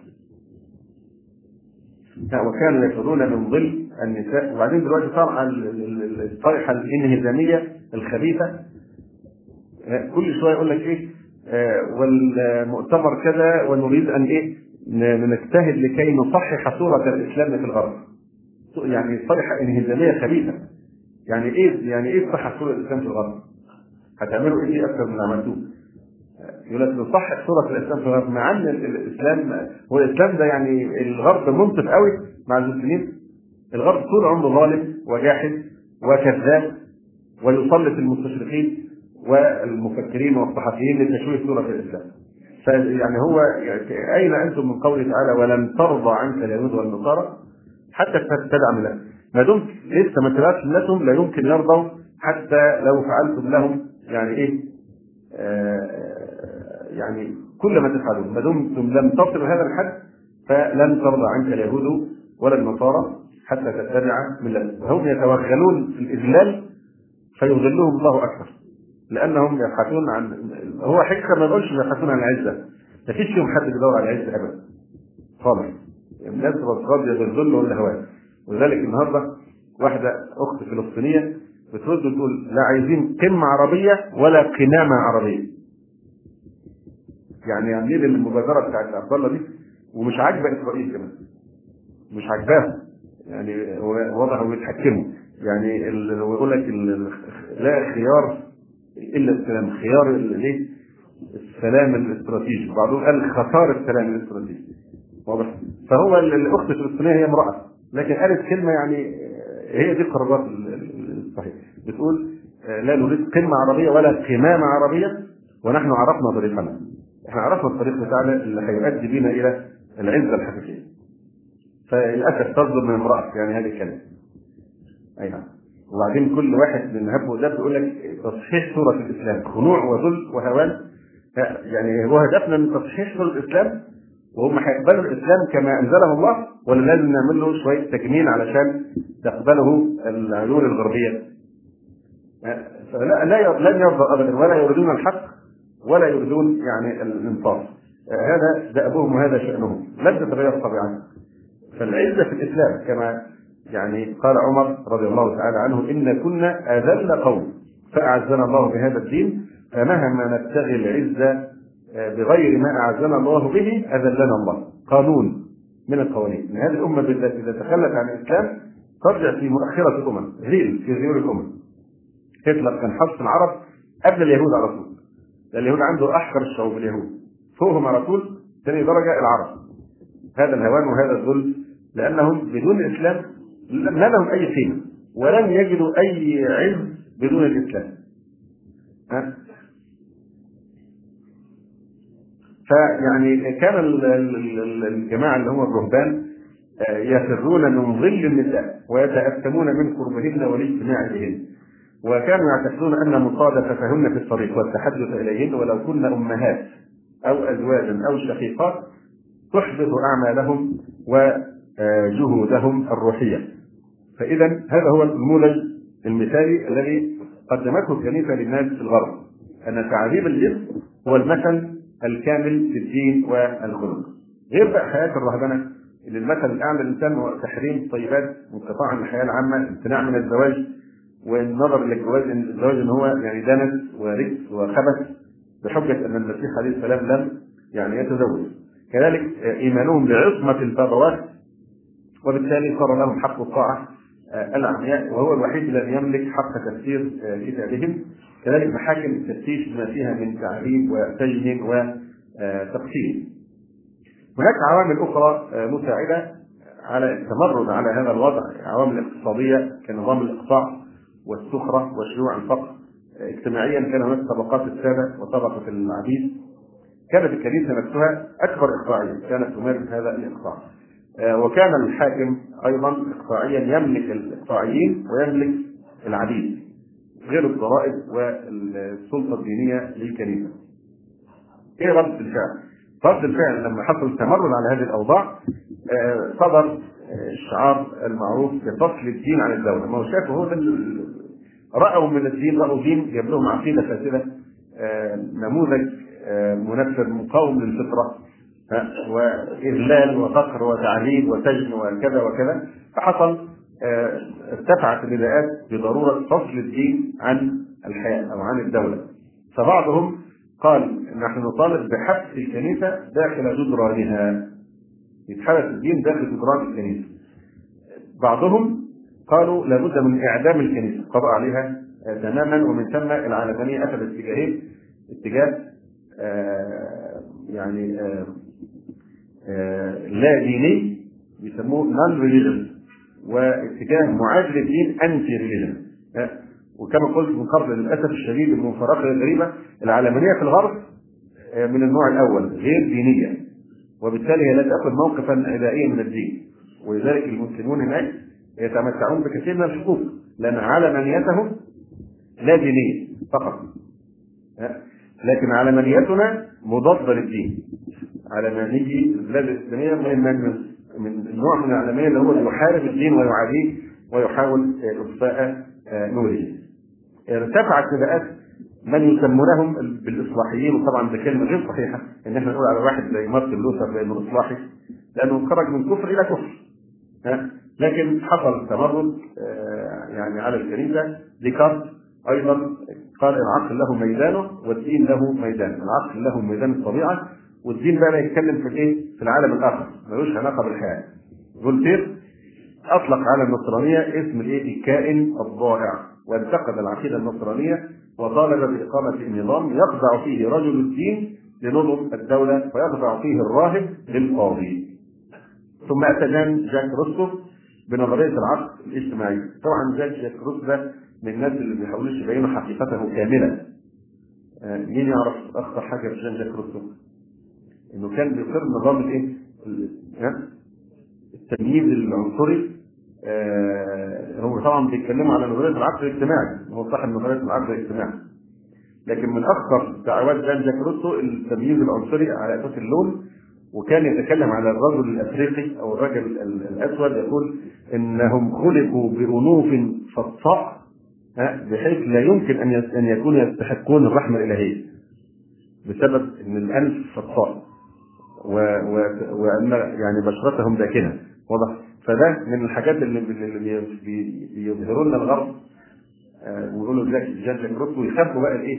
هذه السوءات. أي نعم. ف يعني كأنه تأثر في نظرية العقل الاجتماعي بعباره عمر متى استعبدتم الناس وقد ولدتهم أمهاتهم أحرارا. ثم انفجرت ثورات حطمت مئات الكنائس وقتلت رجال الكهنوت حصلت ثورة الفرسان في ألمانيا ثورة الفلاحين أيضا في ألمانيا قتل فيها عشرات الألوف من الفلاحين. ثم ثورة الأراضي المنخفضة حطمت فيها 400 كنيسة وكثير من الأديرة وأعدم 18600 مواطن وفر حوالي 55800 ثم قامت الثورة الفرنسية في القرن الثامن عشر رافعة شعار اشنقوا آخر ملك بأمعاء آخر تنسيس اشنقوا آخر ملك بأمعاء آخر تنسيس آه، وغذى اليهود فكرة فصل الدين عن الدولة شفاء لأحقادهم ضد النصارى. وإزاحة لسلطان الكنيسة التي كانت تساند التعصب النصرانية ضدهم وكي يبلغوا حريتهم التي يتمنونها ثم سيادتهم على الأديان والأجناس الأخرى. إفراجات الثورة الفرنسية أولا تأكيد تقييد سلطان الكنيسة برفع شعار العلمانية وفصل الدين عن الدولة ثانيا تقييد السلطان السياسي للملوك والحكام الذين ادعوا الحق الإلهي ثم نادى بعضهم بأنه هو الدولة ثالثا إعلانات حقوق الإنسان في الحرية والملكية والمساواة ومقاومة الظلم. اقترن بالعالمانيه اللي هي فصل الدين بالدولة اقترن بأشياء أخرى بقى. اقترن بشعار الرفع في آه، شعار المذهب الفردي. اعلاء الفرد وإشباع حاجات الفرد اللي ده هو الشيء الإيه؟ الأساسي وده الوضع الرأسمالي. سبق موضوع المذهب الفردي في المجال الاقتصادي بالتمكين للراسماليه في المجال الاجتماعي بالتركيز على الحرية الشخصية في مجال التعليم والإعلام إلى اخره على حرية المرأة. ثم اقترن هذا التحول الخطير في العالم الغربي اقترن بنهضة صناعية هذه فتنة لهم بقى. لما تمردوا على الكنيسة وبدأوا يتحررون إذا بهم يتقدمون بنهضة صناعية أفادتها أوروبا من الاقتباس من الجامعات الإسلامية في الأندلس وفي قبرص وفي قرطبة وأشبيلية. آه واقترن بذلك أيضا أن الدول الأوروبية حاولت استعمار آه، بلاد العالم المسمى بالثالث اولا للبحث عن الموارد الأولية للصناعة. آه، ويعني هذا كان الهدف الاساسي وعدوا إن هذه النهضة إن دي من بركه التمرد على الكنيسه وإن دي ثمره الفصل بين الدين وبين الحياة. ان هم تقدموا لأن هذا كان يعيقهم واضح؟ كما قال تبارك وتعالى فلما نسوا ما ذكروا به فتحنا عليهم أبواب كل شيء استدراج حتى إذا فرحوا بما أوتوا أخذناهم بغته فإذا هم مبلسون. فقالوا إن أوروبا لم تكن لتنهض لولا الثورة على الدين وعلى آه، الكنيسة. آه، زاد ترداد شعار العالمانية باعتباره العاصم الوحيد دون عودة سلطان الكنيسة. في القرون الوسطى وباعتباره باب الولود إلى الحرية والنهضة والتقدم. آه، يعني أراني أطلت عليكم آه، لكن نختم الكلام حتى نتم ما توقفنا عليه من هذه الفكرة وهو آه، يعني المامة سريعة وعابرة بهدي الإسلام والفرق بين الإسلام وبين هذا الوضع الذي يعني أشرنا إليه فالإسلام دين توازن توازن الإسلام دين الفطرة. وطبعا تعرفون التفاصيل يعني كل ما يفعله القوم لا ابدا يعني لو إن هذا الدين متين فأورث فيه برزق لن يشد الدين أحد إلا غلب إن يسروا ولا تعسروا بشروا ولا تنفروا وما جعل عليكم في الدين من حرج إنما العسر يسرا. كل معروف الاسلام دين اليسر ودين السماحه لا يكلف الله نفسا إلا وسعها. إن لبدنك عليك حقا وإن لزورك عليك حقا وإن لضيفك عليك حقا وإن لربك عليك حقا فأعطي كل ذي حق حق. فتعامل مع الفطره في انسجام وتناغم ويعني تناسق لأنه دين الفطرة. ما يوجد في الإسلام شيء ابدا يصطدم مع الفطرة. استجاب الإسلام لأشواق هذه الفطرة وشدد جدا على الذين يتمطعون ويتشددون. رأى رسول الله صلى الله عليه وسلم. رجلا يمشي في الحج بين رجلين يسندانه. فقال صلى الله عليه وسلم ما هذا؟ فقال يا رسول الله نذر أن يحج ماشيا. فقال صلى الله عليه وسلم إن الله عن تعبيد هذا نفسه لغني. مروه فليركب. وهذا رواه البخاري ومسلم. فرهب فنهى النبي صلى الله عليه وسلم عن فعل لم يشرعه الله عز وجل. وإن كان فاعله قاصدا به التعبد والتقرب إلى الله تبارك وتعالى. يعني أمامك طريقان إلى المسجد، طريق كل حفر وحيات وهوام وحشرات ومستنقعات وطريق معبد مسفلت ونظيف وسهل.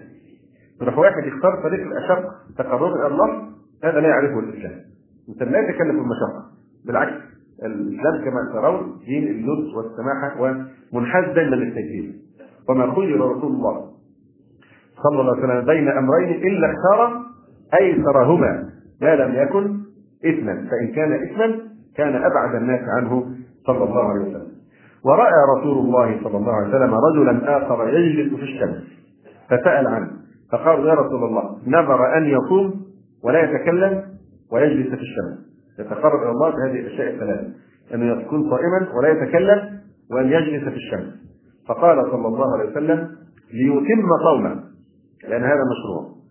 وليتكلم وليجلس في الظل. فأقره على المشروع ونهاه عن يعني المبتدع وهو السكوت. وإن كان هذا السكوت كعبادة مشروعا في إيه؟ في شريعة من قبلنا أما في شريعتنا فلا يجوز وقد نهى النبي صلى الله عليه وسلم عن صلاة يوم إلى الليل. لكن في شريعة من سبقنا كما قالت مريم إني نظرت للرحمن صوما فلا نكلم اليوم لكن هذا منسوخ في شريعتنا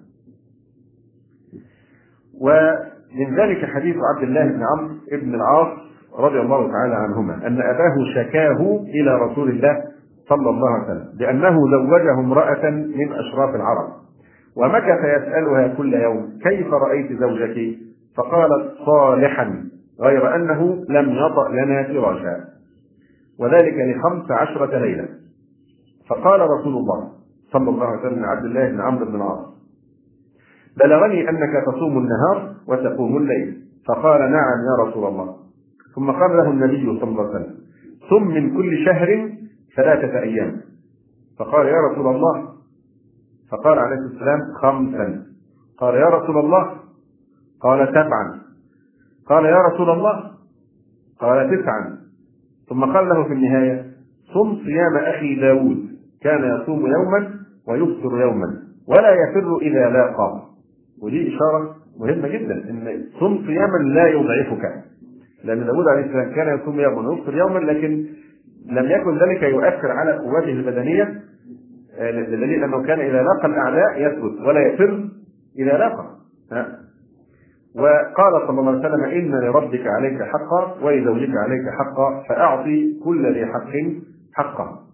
وسأل رجل رسول الله صلى الله عليه وسلم عن صومه فغضب رسول الله صلى الله عليه وسلم غضبا شديدا وجلس عمر بن الخطاب رضي الله تعالى عنه يقول رضينا بالله ربا وبالإسلام دينا.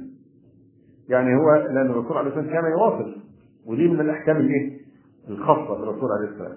فالرجل سأله عن الوصال في الصلاة فغضب الرسول عليه السلام حتى بلغ الأمر ان إن عمر أراد أن يهدئ من غضب النبي عليه الصلاة والسلام فقال رضينا بالله ربا وبالإسلام دينا حتى سكن غضبه صلى الله عليه وآله وسلم. فهذا السائل أراد أن يضاهي فعل النبي صلى الله عليه وآله وسلم في أمر هو من خصوصياته وهو أنه كان يواصل اليومين والثلاثه وكان يسأل صلى الله عليه وسلم عن ذلك فيقول لست كهيئتكم إني أبيت عند ربي فيطعمني ويسقيني. صلى الله عليه وسلم. وهذا متفق وهذا رواه مسلم. وأيضا تعرفون حديث النفر الثلاثة الذين أتوا إلى بيوت النبي صلى الله عليه وسلم فسألوا عن عبادته. فلما أخبروا كأنهم تقالوها. قالوا هذا شيء قليل يعني ما هو كثير. فقال أحدهم وأين نحن من رسول الله صلى الله عليه وسلم؟ إن الله غفر له ما تقدم من ذنبه وما تأخر. أما أنا فأقوم ولا أنام. وقال الآخر أما أنا فأصوم ولا أفطر. وقال الثالث أما أنا فلا أتزوج النساء. فلما رجع رسول الله صلى الله عليه وسلم وأخبر بخبرهم صعد المنبر وجمع الناس ثم قال ما بال أقوام يقولون كذا وكذا. أما إن أعلمكم بالله وأتقاكم لله أنا. أما إني لا أما أنا إني لاصوم وافطر وأقوم وأنام وأتزوج النساء. فمن رغب عن سنتي فليس مني. فمن رغب عن سنتي فليس آه، مني. اذا آه، خلاصة الكلام أن هناك يعني مسوغات أو ما يقال الآن مبررات لظهور العالمانية في العالم الغربي النصراني. أول هذه المسوغات أن النصرانية كانت قابلة لقسمة الحياة بين الله وبين قيصر. فإن إنهم يعني يعني ينسبون إلى المسيح عليه السلام أنه قال دع ما لقيصر أو أعط ما لقيصر لقيصر وما لله لله. فقيصر يرمز به للسلطة الزمنية وما لله لله يرمز به للسلطة الروحية. فهم عندهم موضوع فصل السلطة آه، السياسية أو الزمنية. عن السلطة الروحية هذا شيء دينهم قابل لهذه القسمة بدليل هذا النص عندهم دع ما لقيصر لقيصر وما لله لله. أما عندنا فالشرك في الحكم كالشرك في العبادة لأن كل من في السماوات والأرض هو ملك لله ولله ما في السماوات وما في الأرض. ولا تشرك في حكمه احدا كما قال ولا يشرك بعبادة ربه احدا فكلاهما شرك.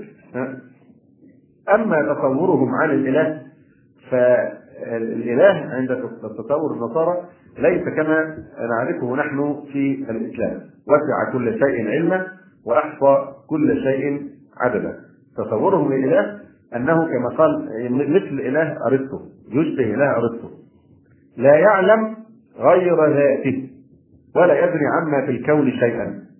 فهو كما قال ويل ديوران مؤرخ الحضارة والفلسفة إله مسكين. أشبه بملك الإنجليز. يملك ولا يحكم. ودي السبب إن هم يستغربوا يعني إزاي في شريعة سماويه تطبق في الأرض في الناس؟ لا لازم يقعدوا الدين عن الحال. طبعا ده ناشئ عن إيه؟ عقيدتهم وتصورهم فدينهم قابل للتجزئة. ثانيا الإيه؟ إن الإله عندهم خلق العالم ثم حركه ثم تركه. فيزعمون أن الله بعيد خالص عن العالم. ما فيش علاقة بين الله وبين الخلق. لا حتة أنا له الخلق والأمر لا له الخلق بس لكن ملوش الأمر. أما في الإسلام ألا له الخلق والأمر فالذي يخلق هو الذي يشرع وهو الذي يطاع وهو الذي يعبد ويوحد. فدي الفرق بين وبينهم في هذه الجزئية. فعندهم الإله وطبعا كتاب قصة الحضارة الآن مال الدنيا ممكن ترجعوا له. فويل ديورانت بيقول فيه آه، إن الإله عند الغربيين إله مسكين أشبه بملك الإنجليز يملك ولا يحكم. آه، فخلقه فحركه ثم تركه. حرك العالم وتركه على لكن نحن المسلمين نقول لا حول ولا قوة إلا بالله. ما من حركة ولا سكن إلا بقوة الله عز وجل. فالإسلام لا يعرف هذا التصور للإله. الإسلام لا يقبل الثنائية التي عرفها الفكر النصراني اللي هي آه، بين السلطة الزمنية والسلطة الروحية لأن قيصر في الإسلام ليس ضدا لله بل هو عبد لله يخضع لحكم الله ويدين لأمره ونهيه. ولأن الشرك في الحكم عندنا المسلمين كالشرك في العبادة إبليس يقول إني كفرت بما أشركتموني من قبل. طيب كيف أشركوا به؟ وما كان لي عليكم من سلطان إلا أن دعوتكم فاستجبتم لي. هذا هو الشرك. وقال تعالى ولا تقولوا لما تصف ألسنتكم الكذب هذا حلال وهذا حرام. وقال عز وجل اتخذوا أحبارهم ورهبانهم أربابا من دون الله والمسيح ابن مريم وما أمروا إلا ليعبدوا إلها واحدا لا إله إلا هو سبحانه عما يشركون. وقال تعالى وكذلك زين لكثير من المشركين قتل أولادهم شركاؤهم. وقال أم لهم شركاء؟ شرعوا لهم من الدين ما لم يأذن به الله. اذا آه هذا من الفروق الاساسيه ان الشرك في الحكم مثل الشرك في العبادة. أيضا المسوغ الثاني أنه ليس في النصرانية شريعة مفصلة بشؤون الحياة. ما هو شيء طبيعي إن النصرانية تقبل هذا التقسيم والفصل بين الدين والحياة، لماذا؟ لأنها ليس عندها شريعة تفصل كل أمور آه، الحياة، إنما هي روحانيات وأخلاقيات. أما الإسلام فقد نظم حياة الفرد، حياة الأسرة، المعاملات بين الناس، أمور الإدارة، أمور المال، السياسة الشرعية، العلاقة بين الراعي والرعية، العلاقات الدولية، والإسلام تجد فيه من فقه الطهارة ويترقى حتى يصل بك إلى فقه آه، الجهاد في سبيل الله ويترقى بك من آداب الأكل والشرب وقضاء الحاجة حتى ينتهي بك إلى بناء كيان الدولة الإسلامية. فالنصراني إذا حكمه قانون وضعي لا ينزعج قليلا ولا كثيرا لأنه لا يشعر ولا يعاني بتناقض بين عقيدته وواقعه الذي يتعذب من هذا التناقض هو مين؟ المسلم. لأنه إذا حكم بغير شرع الله فإنه يعيش في هذا التناقض بين ما هو مقتنع بأنه الحق وأنه الواجب وبين الواقع المفروض عليه. إنما كان قول المؤمنين إذا دعوا إلى الله ورسوله ليحكم بينهم أن يقولوا سمعنا وأطعنا وأولئك هم المفلحون. الفرق الثاني أو بيننا وبين الغرب النصراني في أمر العالمانية أن الإسلام لا يعرف سلطة بغوية آه، دينية، ما فيش في الاسلام سلطة دينية، حتى كلمة رجل دين دي كلمه غير مقبولة في الإسلام، ما فيش حاجة اسمها رجال الدين، في علماء الدين. لكن رجال الدين دي اصطلاح آه، نصراني، رجال الكليروس ها اللي هم رجال الكنيسة الكليروس. فليس عندنا سلطة بابويه بالمفهوم الغربي. واضح؟ وبالتالي إذا حكمت العالميه مجتمعا فيه مثلا نصارى ومسلمين فمن يكون أسعد حظا؟ النصارى لماذا؟ لأن النصارى لهم سلطة بابوية زمنية تمثلهم أما المسلمون فليس لهم سلطة بابوية آه، يعني إيه بمثل هذه آه، الكيفية فالشريعة كما يقول الغزالي الشريعة أصل والملك حارس الشريعة هي الأصل هي البناء الأساسي. والملك حارس يحرس الدين ويسوس الدنيا بالدين. الشريعة أصل والملك حارس. وما لا أصل له فمهدوم وما لا حارس له فضائع. ودي للأسف واقع الإسلام والمسلمين إذا حكموا بغير شرع الله. الشريعة أصل هي الأساس أساس البنيان. والملك الدولة حارس للإسلام. وما لا أصل له فمهدوم. بناء من غير أساس حينهدم واضح؟ وما لا حارس له فضائع. وهذا الواقع يعني الأليم. فالعلمانية إذا فصلت دين النصراني عن دولته أو العكس لا يضيع دينه ولا يزول سلطانه لأن لدينه سلطة قائمة بالفعل ممثلة في البابا ورجال الإكليروس من الرهبان والراهبات والمبشرين. بخلاف ما لو فعلت ذلك دولة إسلامية يبقى الدين بغير سلطان يؤيده ولا قوة تسنده ويبقى مصلحة حكومية فرضة لا تقارن بسلطة البابا الروحية المستقلة. آه، أيضا تاريخ الإسلام غير تاريخ النصرانيه من الظلم الشعمين بهذه الصورة. يعني كون العلمانية تظهر في العالم الغربي ده كان رد فعل. صحيح رد فعل فيه مبالغة وفيه خطأ لأن كما قلت نبذوا الدين الباطل ولم يبحثوا عن الدين الحق فاوغلوا في الإلحاد والعلمانية كما هو معلوم آه، أمر آخر لما نراجع التاريخ هل تاريخ الإسلام فيما مضى مثل تاريخ النصرانية محاربه العلماء والقهر والإذلال وحاكم التفتيش وكل هذا الإجرام هل هذا حصل منه شيء؟ لا تاريخ الإسلام غير تاريخ النصرانية حيث الوثنية والخرافة والتفليس والاستبداد والقهر ومحاكم التفتيش والاضطهاد ويعني آه المذابح. نكتفي بهذا القدر أقول قولي هذا. أستغفر الله لي ولكم. سبحانك اللهم ربنا وبحمدك. أشهد أن لا إله إلا أنت. أستغفرك وأتوب إليك. السلام عليكم ورحمة الله.